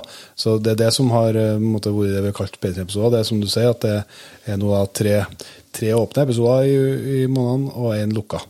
Eh, og så har det jo, men så har det jo hendt at vi har lagt ut noen ekstra episoder eh, til kun P3 som er utafor den vanlige gangen. da. Ja, det er for eksempel, det er for eksempel har vi gjort det i, i jula og på sommeren og litt sånn. Ja, det, altså, det, det har jo hendt, og det kan jo godt være vi skal fortsette med. Og, og likeens det med å få tilgang til jegertoner. og I, i fjor så kjøpte vi inn noe, noen episoder fra um, Jegerdrømmen, eh, som Petri fikk tilgang på litt eh, sånn, og det har vi jo lyst til å, til å fortsette, eh, fortsette med. da. Mm. men eh, det er nå i hvert fall eh, svaret på det. At det og for vår del, så, så det er jo, vi legger ikke skjul på det hele tatt, at det er jo Patriens som er det aller viktigste elementet for at vi skal kunne drive med Jegerpodden. Eh, uten Patriens har det ikke gått. Så enkelt er det. Ja. Så for vår del så kunne vi på et vis ha, ha gitt alle episodene til Patriens, eh, sånn sett. Altså, men men eh, det er jo sånn avveining imot at for noen så vil de kanskje Noen vil kanskje ikke ha økonomisk sett ha mulighet til å være en som Patreon-laget, og derfor så ønsker vi å, å ha en del mange gratis episoder å tilby. Det er det, det ene sida av det. andre sida av det er jo at, eh, er jo at eh, for gjestene våre, eh, veldig mange av dem har jo veldig mye bra å komme med. Sånn at det har en verdi for En ting er for Jegerpodden, men for jegerstand, tenker jeg da. At, at det får komme til så mange som mulig. Ja. Eh, Men sånn for vår del, så som sagt, det er Patrion som gjør dette mulig. Og, og, så vi kunne laga Vi er mer enn gjerne laga bare til dere. Det er ikke det, det er ikke at vi ikke er glad til dere, for å si det sånn. Det er vi. Yes, Da er det Andreas Christensen. Han, eh, hvis vi skal skjøte vår siste elg i livet, blir det kalv i stålos for noen andre på jaktlaget sin hund, eller storokse i Canada på guidetur uten hund? Ja. Det kommer helt an på den, eh, jakt, den hunden. Hvis det f.eks. hadde vært sånn at det hadde vært en god kompis sin hund eh, som eh, at det var første elgen, eller kanskje at det hadde vært en hund som jeg ikke jeg liksom helt lyktes med, og litt sånn, så tror jeg at jeg hadde vært det framfor en storokse. Hvis jeg visste at i et sånt scenario som her, da. Men hvis det, hvis det f.eks. var en, en kalv i stålos for en hund som det aldri var felt 20 elger for, eller 30 elger for, som en hund på med sju år, liksom, så eh, hadde nok, jeg tror jeg hadde eh, latt meg overta til en Canada-tur i stedet, ja. Jeg har eh, tenkt å jakte elg til at eh, lokket stenges på kista mi.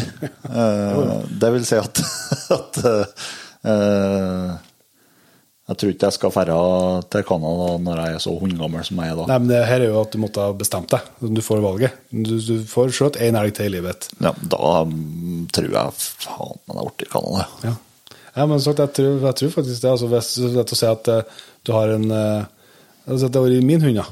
Og så har det vært en hund som bala med kanskje to og et halvt år, som faen aldri helt kom i gang, og så kommer den her skikkelige losen og sånn.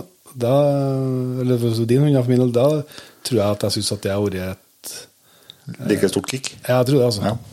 Men, altså, men som sagt, hvis det er en hund eh, eh, som, som det er skutt en god elger for, og som, som du vet funker alltid greit, liksom. Ja, ja. Er jo, det er jo styggartig, det òg, for all del, men, men da har nok eh, Canada-turen vært mer aktuell, ja.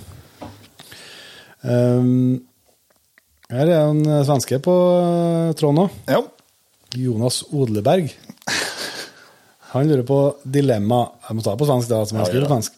Aldri jaga med sine hunder, eller jaga med sine hunder i svensk landslagsdrakt, altså lang, langskidåkning. Så det er altså svensk kondomdrakt han er ute etter her, da. Jeg syns den svenske, den svenske kondomdrakta til, til langrennslaget er ganske fin, jeg. Ja, men syns du den er ganske fin på deg og på meg? det, det er det som er det store spørsmålet her. Nei, det, det, det, er mulig det håper jeg svaret på er nei. ja, Det er mulig at det kler, kler landslaget bedre, ja. Ja, det, det er grunn til å tro det. Ja. Men eh, det er klart at det er jo ikke noe alternativ å aldri jakte på hund. Så hvis det er det som uh, jakter med hundene mine lenger, så hvis det som skulle til for at jeg skulle fått fortsatt å jakte med hundene mine, er at jeg måtte ha på meg ei svensk eh, kondomdrakt utom jaktdressen, Faen, nå fikk jeg stykke bilder i hodet. så hadde jeg måttet det. Ja. Og det er sikkert ikke Det vil jo tro jeg Det er jo laga for å svette i. Ja, ja, det er en ting også. Men klart at jeg ikledd meg noe mye sånt opp igjen, det må jeg bare innrømme. Men jeg kan ikke se for meg at det bråker så jævlig mye. Så, at, eh, så det er sikkert ikke så verst å smyge i. Nei, det Nei, altså Og så tar du ikke mer plass. det, det sitter jo tett på kroppen. Så det tar, du får bare det marktrykket du egentlig har. Du kan jo gjøre som en Northug og kjøpe dem eh, steka små, så kappe av armer og Ja. foter. og Og legge inn en agurk. det går an. Jørgen Aasan kommer med et dilemma. Eie og trene en hund, men aldri få jakt med den. Eller ikke eie og trene hund, men alltid få være hundfører. Men si at du fortsetter å poste med men andre bruker hund. Ja. Nei, da tror jeg jeg vil eie og trene hund, jeg. Ja. Aldri jakt, men. Ja. Eh, Jeg har jo innsett eh, at eh, Vi snakket om, kan ikke ta hele resonnementet der, men det, det er to ting i livet som virkelig er lidenskap for meg, og ene er ungene. Du, må, du må ikke følge opp den her. Nei, men eh, i hvert fall så jeg syns ungene er utrolig artig. Så det å altså, da er, det, det, det, er, det er nok en større del av motivasjonen min, nesten det. Også. Men det er klart at det er styggartig å jakte med ferdigdrevne hunder, det ikke jeg sier. Men det her eh, opplevelsene du får med unghunder, og de årene det pågår, på godt og vondt, absolutt. Det er absolutt ikke bare oppturer, men på liksom denne kombinasjonen og, og, og opp- og nedturer, det syns jeg liksom er det store. Så, så da har jeg heller, eh, heller eh, latt noen andre jakte med hund, hvis det er det som har vært alternativet. Ja, for det blir jo like varme i hjertet av å se prestasjonene til en hund på trekker Ja, ja, ja. som å være i skogen sjøl. Det er jo stort sett på trekker du ser det. Ja, ja men, jeg, men jeg, vet jo, jeg vet jo så godt også at jeg, for jeg, har prøvd det mange, noen ganger etter hvert å skutte sjøl for hundene, og, og andre folk har skutt for hundene, og jeg vet at jeg, jeg blir ikke noe mer glad om det er som drar i avtrekkeren. Nei. Så, nei, så det, det er faktisk ikke så vanskelig. Kristian Lystad. Ja. Eh, Noen planer om å utvide sortimentet til fangstrapporten, drikke, snacks etc. Ja. Ja, det kommer jo vi har fangstrapporten, men det kommer jo ei vinflaske med navn Halvvin. Yes. Jeger Tornes Halvvin til høsten. Det er jo eh, i lag med Svein Jæger Hansen og eh, Magnus Yes. Hestegrei. Så det, den kommer vel i hylla i starten på september. Mm. Og så jobber vi faktisk med noen andre sånn ideer litt mer på skissestadiet, som ikke er klart å dele ennå. Mm. Eh, men, eh, så det kan godt være at det dukker opp noe, noe nytt etter hvert. Det må jo stadig utvikles eh, nyheter. Ja, ja, Det er bare sånn det. Men fangstrapporten, den blir værende. Den blir værende. Den er jo faktisk på sånn Kan jo få en pris i sommer, den. Ja, kåra til finalist. finalist blant eh, ja, husker ikke, jeg husker ikke hva kategori. År, årets drikke. Årets drikke på Trøndersk Matfestival. Yes. Mm. En av tre finalister. Ja, det kan bli, altså. Det er så artig. Så det skal vite hvordan den ble, så sikkert. ja, det blir, det blir spennende. Det blir spennende. Eh, Robert Stockheim han kommer med et eh, spørsmål her som er spennende. Eh, Han har vært, han har vært jeger i snart ti år. Etter mye stang ut og jakt i et krevende terreng er storviltjakta fremdeles resultatløs. Til tider har han tenkt på at jeg kanskje heller skal sysse med andre ting, men naturopplevelsene drar han tilbake. Og så kommer han med et spørsmål, tips til å holde motet og motivasjon opp. Og det tror jeg det er mange som kan kjenne seg igjen i, og det kan i hvert fall jeg har og mer enn en gang tenkt akkurat den tanken der. Hva i all verden jeg bruker all tida og ressursene på. Men det som er bra her, det er at han trekker inn det at det er først og fremst en natur, naturopplevelse som drar tilbake. Yes. For det er det som er, det er, det som er viktig her. Eh, og så, eh, før eller siden, så kommer jo, kommer jo resultatet. Ja, ja.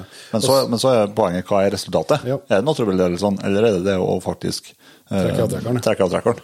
Avtrekkeren? Det er et, eh, det er et, kjempegodt poeng. Og så, er det som man skriver, at du mye stang ut og jakt et krevende terreng.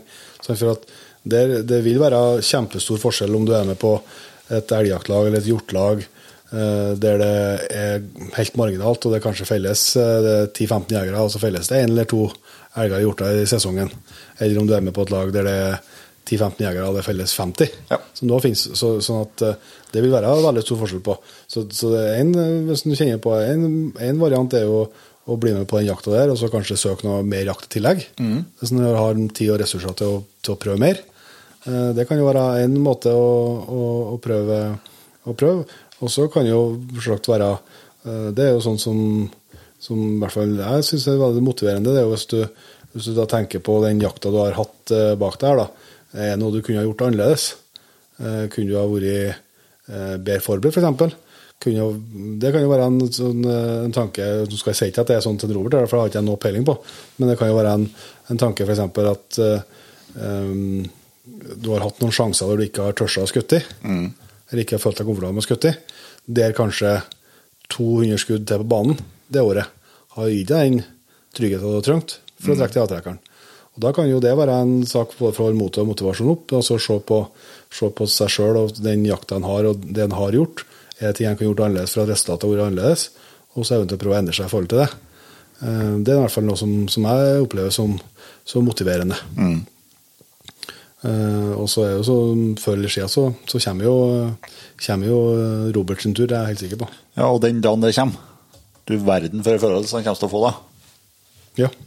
Det, det er ikke noe tvil om. Så nei, det er bare å, å peise på og fortsette. Og så, som sagt, så er det heller ikke noe i veien for å prøve mer jakt eller annen jakt på andre plasser eller eh, sånn. Hvis en har, eh, for at, at, det, at det er plasser der det er enklere å få skutt seg en elg. Eller det, det er større sjanse, ikke enklere, men det er større sjanse for å skutte seg en elg eller en hjort enn de andre plasser. Det er jo sånn er det selvsagt veldig store forskjeller på. Eh, Vidar Nyman Elden har kommet med et eh, spørsmål her om våre tanker om det enorme trykket på utenbygds jaktkort eh, hos fjellstyrene i Nord-Trøndelag. Eh, eller sikkert ja, nord, i nord i Trøndelag, da. men Yep. det kan jo være flere plasser sikkert òg. Tidligere så fikk man stort sett kort hos en av de store fjellstyrene, men nå man, eh, kan man ikke lenger planlegge med jakt. Er det, for, er det for billig jaktkort når folk tar ut kort flere steder og benytter seg av det som passer? Og burde det vært et hermetegn samordna opptak, sånn at fordelinga blitt bedre? Eh, altså, det må jeg si er litt sånn vanskelig å svare på sånn enkelt. For at det at det er stort uh, trøkk og mye jegere, uh, er jo på et vis veldig bra. Ja. Uh, og, og det her med utenbygds og innbygds eh, er jo selvsagt òg en, en sånn vanskelig sak. For at en der jeg tenker at det er bra at eh, av og til at innbygdsboende kan prioriteres. Samtidig så er det viktig at hele befolkninga sammen hvor de bor, en får tilgang til jakt. Eh, Sånn at, eh, at det er en sånn trekking, det syns jeg er veldig bra. Mm. Og jeg tror ikke at, eh, tror ikke at det er pris, at det er for billig. At det løser noen ting om man har økt prisen. Eller selvsagt Har man hatt kortene kosta 50 000 kroner, så er det klart at da har ikke folk tatt flere kort. Nei. Det synes jeg selv, men det er jo ikke dit vi vil. Så det syns jeg ikke er noe grunn til å tenke på. Men, men det han er inne på her med et sånn samordna opptak, på vis, altså, som det er til dels på elgjakta, Ja. Eh, Det tror jeg har vært å foretrekke for alle sammen. Ja. Hatt et system som har gjort at du kan eh, søke eh, på mange forskjellige plasser og kanskje prioritere søknaden din. Mm. Og så får du én plass, og så får du ikke samtidig på en ny plass. Stemmer. Det, men samtidig, det syns jeg høres som en, en god idé hvis systemet er der og funker, og, og det kanskje er på Aller helst skulle vært på tvers av både Statskog og fjellstyrene. Ja, det er som er, det er, det som er jeg tror, litt clouet her, at uh, i hvert fall i områdene uh, nord i Trøndelag her, så er det jo både gjelder er både, både fjellstyret og, og Statskog. Og de to systemene snakker ikke i lag. Nei. Uh, og det er litt synd. Uh, spesielt med tanke på at det er utgangspunktet så er det jo Statskog som også er grunneier på fjellstyrene. Men uh, det er litt synd at ikke de systemene der snakker i lag i forhold til i forhold til trekninga og, og tilrettelegging for at flest mulig skal komme seg ut. Ja, ja så, så skjønner jeg på et vis veldig godt. Altså, altså, eh, du er superivrig fuglejeger, da, og så eh, og så for å være mer, litt mer sikker på å få jakt i starten, så, så søker du på mange, mange fjellstyrer. Mm. Eh, Det er jo naturlig på et vis for å gardere seg mest mulig. Og så når du da kanskje er heldig å betrakte på flere plasser, så, så skjønner jeg jo at eh, det er fristende å ta flere kort. Fordi at hvis du kommer til det første terrenget, så er det var ikke noe bra fugl der i år. Nei. Så kan du dra og prøve på en ny plass. Det er jo liksom full forståelse for at folk gjør det. Så, men samtidig så er det synd hvis det går utover at noen ikke slipper til. Ja. Så det er jo det som er liksom, eh, bør, være, bør være poenget. Så at det, at det bør være mulig å få lov til å kjøpe kort flere plasser i løpet av en sesong. Ja. Og at de som er mest ivrige og har eh, mest villige til å kanskje fære litt rundt, og sånn at de får tilgang og mulighet til mye jakt, det syns jeg er bare bra. Ja. Uten tvil. Skal vi se.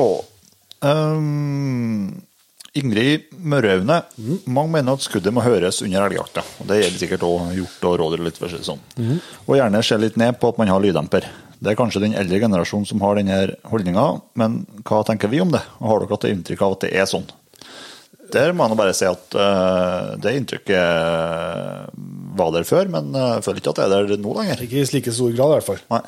Eh, og så er det jo hva jeg tenker om det, det er at det er bare tull. Ja, det er faktisk bare tull, ja. Ja, det, er liksom, det er ikke så mye å diskutere, føler ikke jeg. Nei. Altså, jeg skjønner jo selvsagt det er det spennende når du hører det smell, men, men det kan du dels gjøre med lyddemper òg. Ja. så vil du jo høre en god del smeller. Eh, og så eh, Det er i hvert fall ikke noe det er ikke noe, noe grunn til å ofre hørsel på seg sjøl eller hund, eller uh, få et dårligere skudd fordi at du får mer rekyl eller hva det skal være, for at uh, noen skal høre lyden. Så, men jeg har et inntrykk av at det kanskje er litt en eldre generasjon som har hatt denne holdninga. jeg, jeg, jeg ser ikke noe, noe god grunn til at det skal, til at det skal være en eh, grunn til å ikke ha lyddemper, i hvert fall. Det må man bare si. Det, Det som er, for det som er enda bedre enn å høre på et ordentlig smell i skogen, det er å høre lyden av lyddemper, og så høre det innslaget etterpå. ja. det, For da- det, vet du at det ser bra ut, ja. Ja. Bra ut. Og så, og så tror jeg, i hvert fall mitt inntrykk, da, at Jeg skal ikke nevne eh, navn, for jeg ikke husker på dem heller, men i farten, men, men eh, i hvert fall her aner jeg et visst mønster. At de som var tøffest i kjeften og mest på mail om at det ikke måtte, måtte smelle i skogen, og dæven han hakk i, de har for etter hvert fått seg lyddemper, dem òg, så har de ikke sagt noe mer. Mm, Det stemmer. For at uh, du skrur ikke av den igjen. Nei. Det tror jeg er veldig få, i hvert fall. Ja. Yes. Skal vi se en eh, Dag Nydal han kommer med et dilemma. Petter. Skyte medaljekronhjort på bøen med termisk i stappmørtna, eller spissbukk i los for egen hund ute i terrenget? Ja øh, Kunne jeg tenke meg begge. Men, øh, men øh, det er klart det kommer igjen litt for min del kommer helt an på hund. Ja.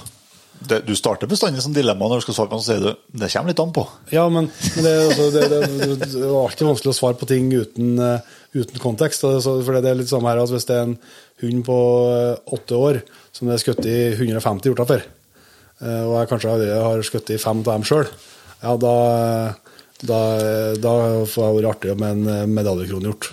Men hvis det har vært i høst, f.eks., jeg har fått det valget her om å skutte i første hjorten eller eh, første dyret mitt før mars, f.eks., i los, så da har ikke jeg spekulert. Jeg har tatt en spissbukk any day. En kalv òg. Ja, en kalv òg.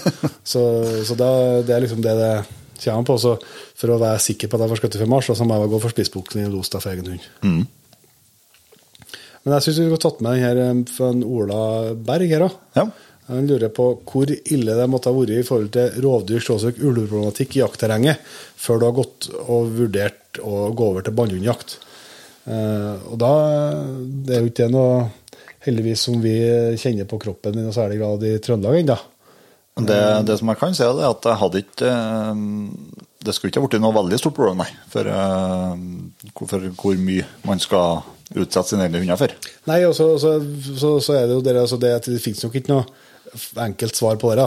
For det må jo være opp til hver enkelt hva man føler seg komfortabel med. Ja. Uh, og vi snakka faktisk om i, derfor jeg tenkte på at vi om i bilen på tur oppover i går, når vi kjørte forbi noen områder der jeg har vært jakta med hund før. Ja. Og så har liksom at eh, det er både jernbane, E6 og små skogteiger. Mm. Og så sa jeg sånn hvor, mye jeg har forandra meg. Ja. For at da var jeg nede og slapp, så tenkte jeg ikke noe på at det kunne være skummelt eller farlig. eller noe Nei, som helst. Og nå hadde ikke jeg villet sluppet eh, en hund inn her.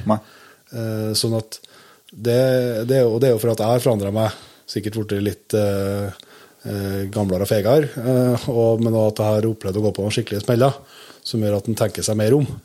Og, da, og det tror jeg er litt sånn her òg, at akkurat når det punktet kommer, at du syns at det føles for ukomfortabelt og for utrygt å slippe hunden din i et terreng der det kan være ulv, eh, det er nok ikke noe enkelt svar på. Det er må hver enkelt gjøre seg opp i mening om. Ja. Men at, eh, som du sier det, For vår, det, det tror jeg jeg kjenner såpass godt, det kan jeg si at for vår del så, så tror jeg tror jeg ikke det det skal så mye til. da. Nei, det har meldt seg ganske fort, ja. Ja. Det tror jeg. Så um, Føler med alle som har det sånn, gitt. absolutt. Uh, Andreas Furnes Fjærli. Hva er surest av de her to situasjonene? Eh, Nummer én. Rifla klikker når storoksen står der perfekt med breisida til, og stikker seg følgelig av når du tar ladegrep. Eller nummer to. Hund Treseth er gaup, og det tikker inn SMS fra statsforvalteren om at kvota er full når du kommer bort til treet. Nei, det er jo jævla surt begge delene, da. Eh, Men må nesten gå for gaupa, da. Med Det er den som er surast, ja. ja, for at uh, vi har nå holdt på, og du enda mer enn meg, men at vi har holdt på en stund med gaupejakt. Det var bare én gang vi opplevde at ei gaupe har blitt tresett. ja. Uh, og vi har nå ikke uh, velta ned på noe voldsomt på storokse heller, men, men det er noen få har det blitt. Sånn at jeg har liksom, føler at en kan få den sjansen lettere igjen, da. Ja. Enn den her på den tresette gaupa. Nå er fakt- vi har ikke, vi har ikke vært plaga med, med statsforvalteren oppi her, at de er hissige på å sende ut SMS-er. Det her går jo på, fortsatt på kvotetelefon. Men fra, eh, fra høsten av så blir det SMS. Yes, rykter om det. Det er litt spennende, da. Kan bli. Ja, Vi får se om det blir, om det blir bra eller dårlig, men den er i hvert fall likere med SMS enn, enn det her tvilet om man skal ringe eller ikke. Og sjekke kvota. Tor Eriksen han lurer på eh, om vil de som får tildelt voksen ku til elgjakt der bestanden er synkende, heller felle ungdyr. Det her for å spare produksjonsdyr. Høy fastpris på elgjakt kan styre hva man velger. Man hører om enkelte valg der kilosprisen er på over 200 kroner som slakt. Eh, og det tror jeg jo, som deg, Tor, at du har helt rett i. At uh, den her altså, fastprispolitikken er, er ikke noe gunstig sånn sett, da. Eh, der, du har, eh, der dyrene er betalt på forhånd. Eh, og du selvsagt vil ha Og for mange av oss vil det jo være sånn sant, altså at du, du kanskje har kjøpt deg elgjakt som gjør at du er helt avhengig av å få tak i de dyrene du har, for å kunne betale kalaset. Mm. Eh, og da er det nok skumlere, det er nok vanskeligere og enten du vil eller ikke å ha med seg den her eh, produksjonsdyrtanken da, Ja. når du har det på kvota. Ja. Det er jeg redd for. Så, så jeg, jeg tror jo det er en utfordring, samtidig som jeg har sagt mange ganger at jeg har full forståelse for at de som er rettighetshavere og grunneiere, eh, ønsker å tjene så mye som de kan. Jeg har full respekt for det også. Men akkurat de toene er en sånn De er vanskelig De er litt vanskelig å, å få til å funke godt i lag, da. Ja, det er det. Og så syns jeg ut ikke på generelt grunnlag at det bør tildeles, tildeles voksenku i elgjakta der det er synkende bestander. Nei, det er bare å eh, gi faen i det, rett og slett. For det, og der, eh, ja, er det noe bestand synkende, så dere kvigene de blir noe produksjonsdyr, dem òg. Ja. Etter hvert. Så det Igjen så er vi tilbake på stakkars piggoksen som stikker fram hodet. Ja, det er det. Så Øyvind Rørvik her har et spørsmål om å få til en episode av Jegerpodden på Naturkanal 1 med gjester og typ som Jegerpodden live, bare med opptak på TV. Eh, og det, Den tanken har jo streifa også. Vi har jo fått tilbud og mulighet til å gjøre det hos Naturkanal 1. Det som er litt for vår del, er det jo at vi føler ikke helt at vi har funnet konseptet vårt. Hvordan vi skal gjøre det. Nei, vi, vi ferier mye rundt øh, og flytter på oss vi, i stedet for at vi skal ha et øh, type ja, TV-studio. Eh, og det er jo for at vi ønsker å ha med mest mulig gjester, forskjellige gjester, og, og vi har besøkt dem. eh, for å gjøre det enklest mulig for gjesten og mest mulig reising for oss. Ja. Eh, Så det, det er jo det som er, er problemet, på et vis. Men at eh, altså, Enkelte episoder har fint kostnadslyste på den måten der, men eh, sånn som den her, f.eks. Men eh, men eh, jeg tror vi setter for mye pris på å få komme hjem til folk og få oppleve, oppleve dem og bli kjent med dem på, på deres Ja. hjemmebane. Og så er det jo noe med en del av gjestene som du ser i denne episoden, kunne vi ha gjort det utfordringa med denne, er at vi er på et par timer allerede. Og det er ikke så, er ikke så gunstig på TV. så, så det er at vi måtte, måtte, vi måtte i så fall lage noe i tillegg da, kanskje til det vi gjør som podkast. Jeg tror det var vanskelig å på en måte flytte podkasten over. Uh, og så er det jo du om En, gjester. en siste ting, ja. Det er jo det at uh, en del av gjestene vi har med, er jo helt vanlige folk. Ja, de fleste, vil jeg si. Ja, 90 Ja. eh, er vanlige folk som verken er vant til å forholde seg til verken mikrofon eller kamera. Nei. Uh, og, eh, og eh, mikrofonen går ganske fort da, å venne dem, mm. Altså med at de må, må snakke mikrofon og, og ha den framme seg. Eh, men eh, jeg tror det vil være et ekstra uromoment, og at det ikke vil gjøre gjesten komfortabel når det da står en to, tre, fire kameraer rundt òg. Ja, ja, vi har jo opplevd det flere ganger, vi òg. Bare med mikrofonene, skal jeg si òg. Ja. At vi har sittet og prata en time eller to på forhånd, og praten går som bare det. Ja. Og så blir plutselig skuldrene litt høye når mikrofonen kommer fram. Ja. Og det er jo fullt 100% forståelig. Absolutt. Så det er, jo, det er jo absolutt en del av den resonnementet for vår del når det kommer til, til podkasten sånn som vi har den, for å være sikker på at vi får det beste ut av gjesten, så eh, tror vi det er en god løsning. Men, men vi er veldig lydhøre for forslag og tips der, også til hva vi kunne ha gjort. Ja. For at det finnes noe litt, litt annet enn det som er akkurat podkasten vår, som vi kunne ha sett på og fått og produsert noen ting som eh, Det har vært artig å prøve. Det Mm. skal vi nå være ærlige på. Anders Morstad. Hidi Skøtti. Eh, Tittel her. Ja. Det er tatt opp både i episoden med Tore Harry Halvorsen og i SoMe at det i mange regioner er dalende deltakerantall på jaktfelt og elgskjøting. Det er blant annet blant eh, an- relativt få påmeldte til NM elgbane i år, og til tross for over 900 deltakere på NM jaktfelt, er det foreløpig ingen arrangør klar til å ta imot jaktfelt, eh, NM jaktfelt 2024.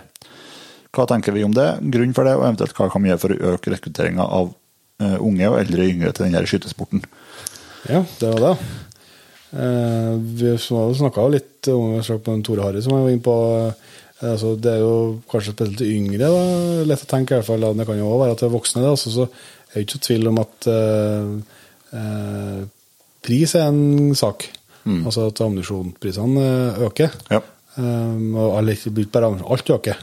Ergo så blir kanskje pengeboka litt smalere. I hvert fall det kan være det vår utfordring utover vinteren og våren i år. Ja, det er jo, det er jo altså, både ammunisjon, men ikke minst det er jo ikke billig å ferde rundt på jaktfeltstevner heller med, med, med dieselpriser og med overnatting og Nei. sånt som følger med det heller. Nei, og alt, alt øker, sant, og renta og det som er. Så, så, så det er noe slags det, som f.eks. kunne ha vært eh, 22-skjøting. At det kunne ha gjort eh, litt forskjell. Det, det er det vel litt til de aller yngste, men at det kunne ha vært noen varianter på det. Ja. kunne kanskje ha vært en idé.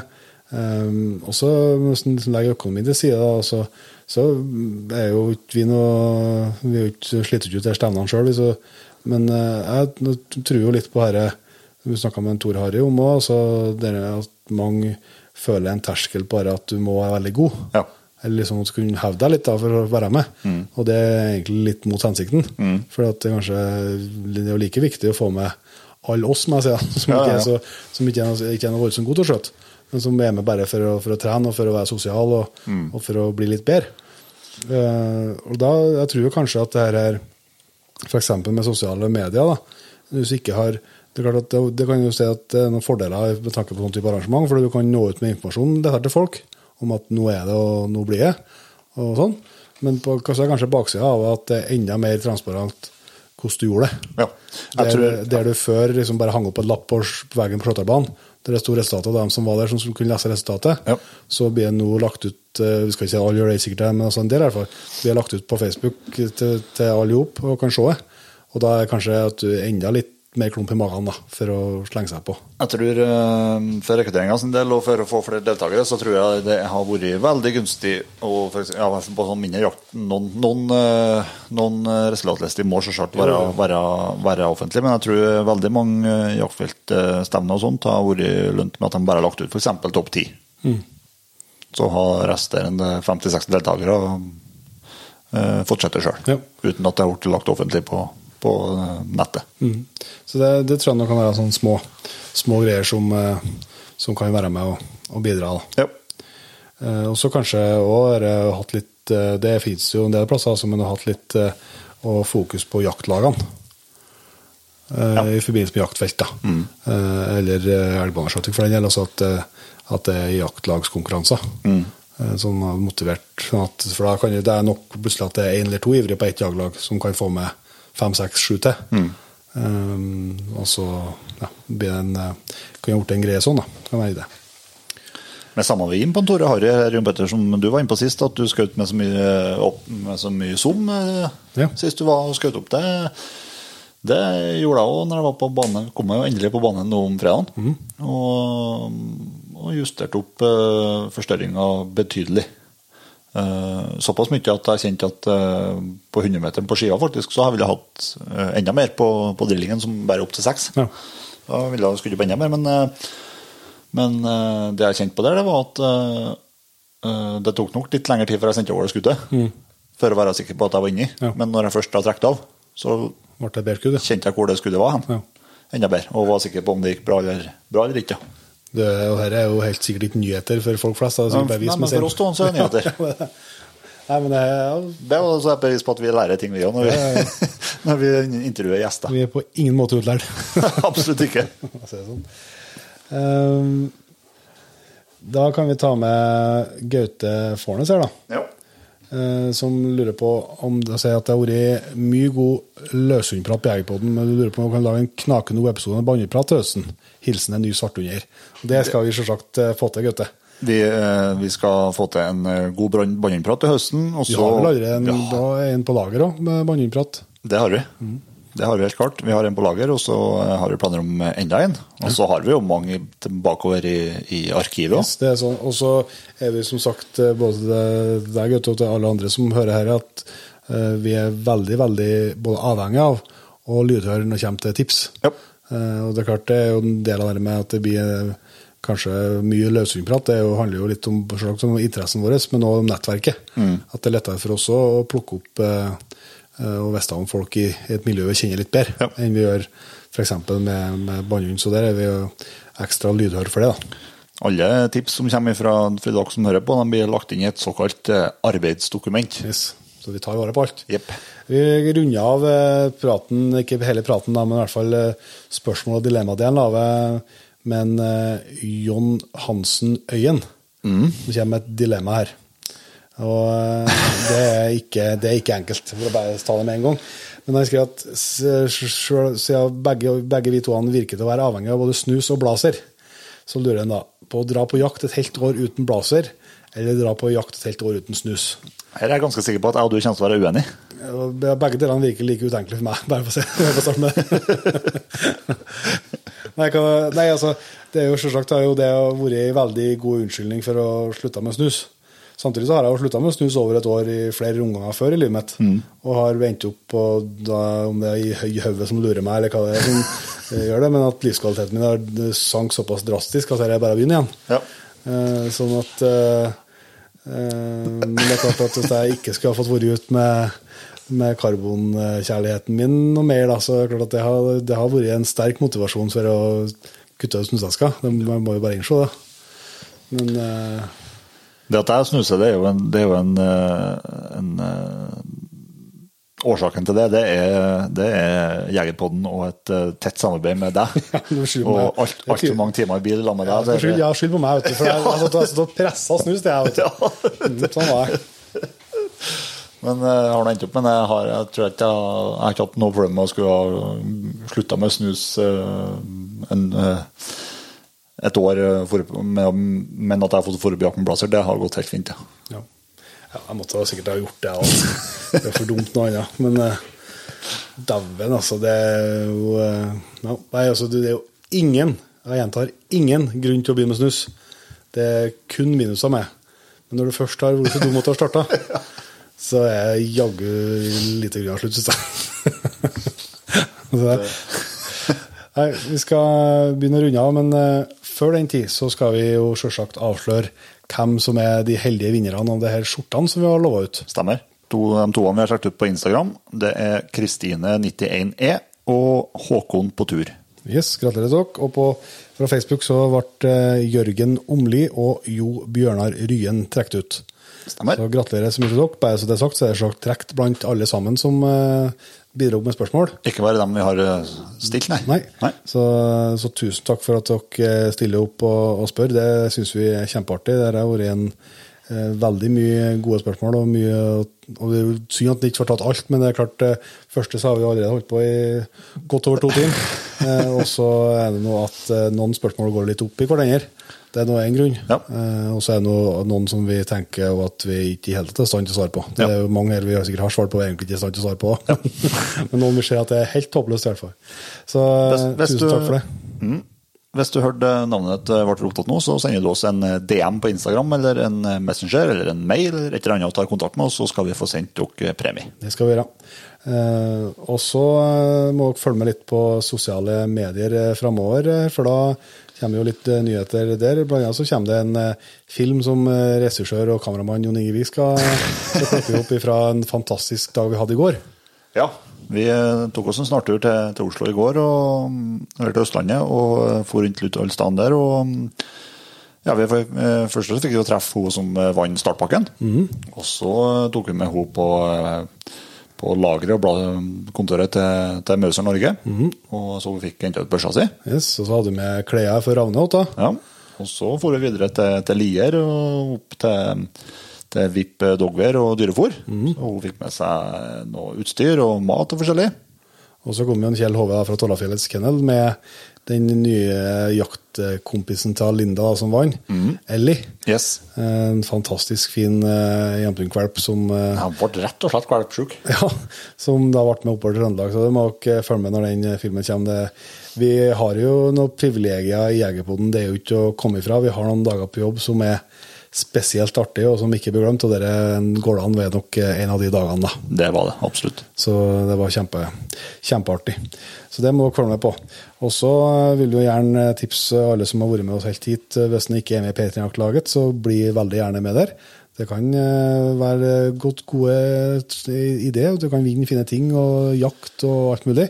I tillegg så ligger det jo eh, mellom 30 og 40 ekstra episoder av Jegerpodden der.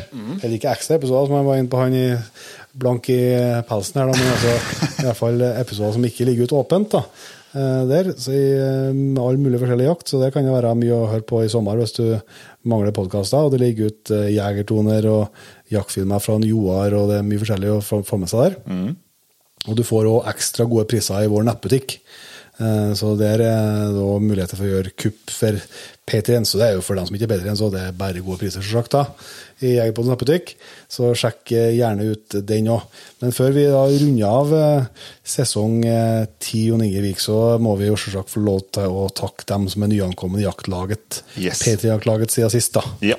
Så starter vi på toppen, og så sier vi tusen hjertelig takk til Anders Budal, Sveinung Killi, Hans Lybekk, Mats Langfjord, Sander Emanuelsen, Per Kristian Kvam, Eivind Haugen, Joakim Vangen Grønvoll, Håvard, Tove Solheim, David Rønningen, Odd Inge Hillestad, Snorre, Kristoffer Moen uh, Holiløk, Børge Strøm, Kim Rune Lomheim, Fredrik Torp, Einar Vingeren, Heine Dalatun.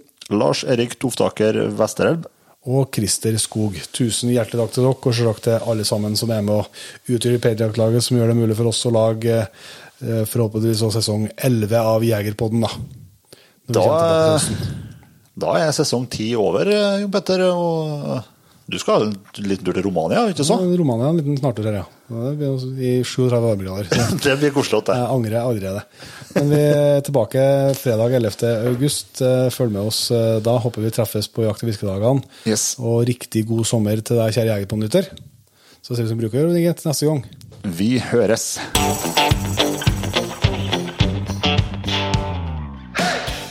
Tusen hjertelig takk for at du valgte å bruke litt av tida di på Jegerpodden. Sjekk ut jegerpodden.no eller eh, din favoritt-podkastspiller for enda mer innhold og flere episoder.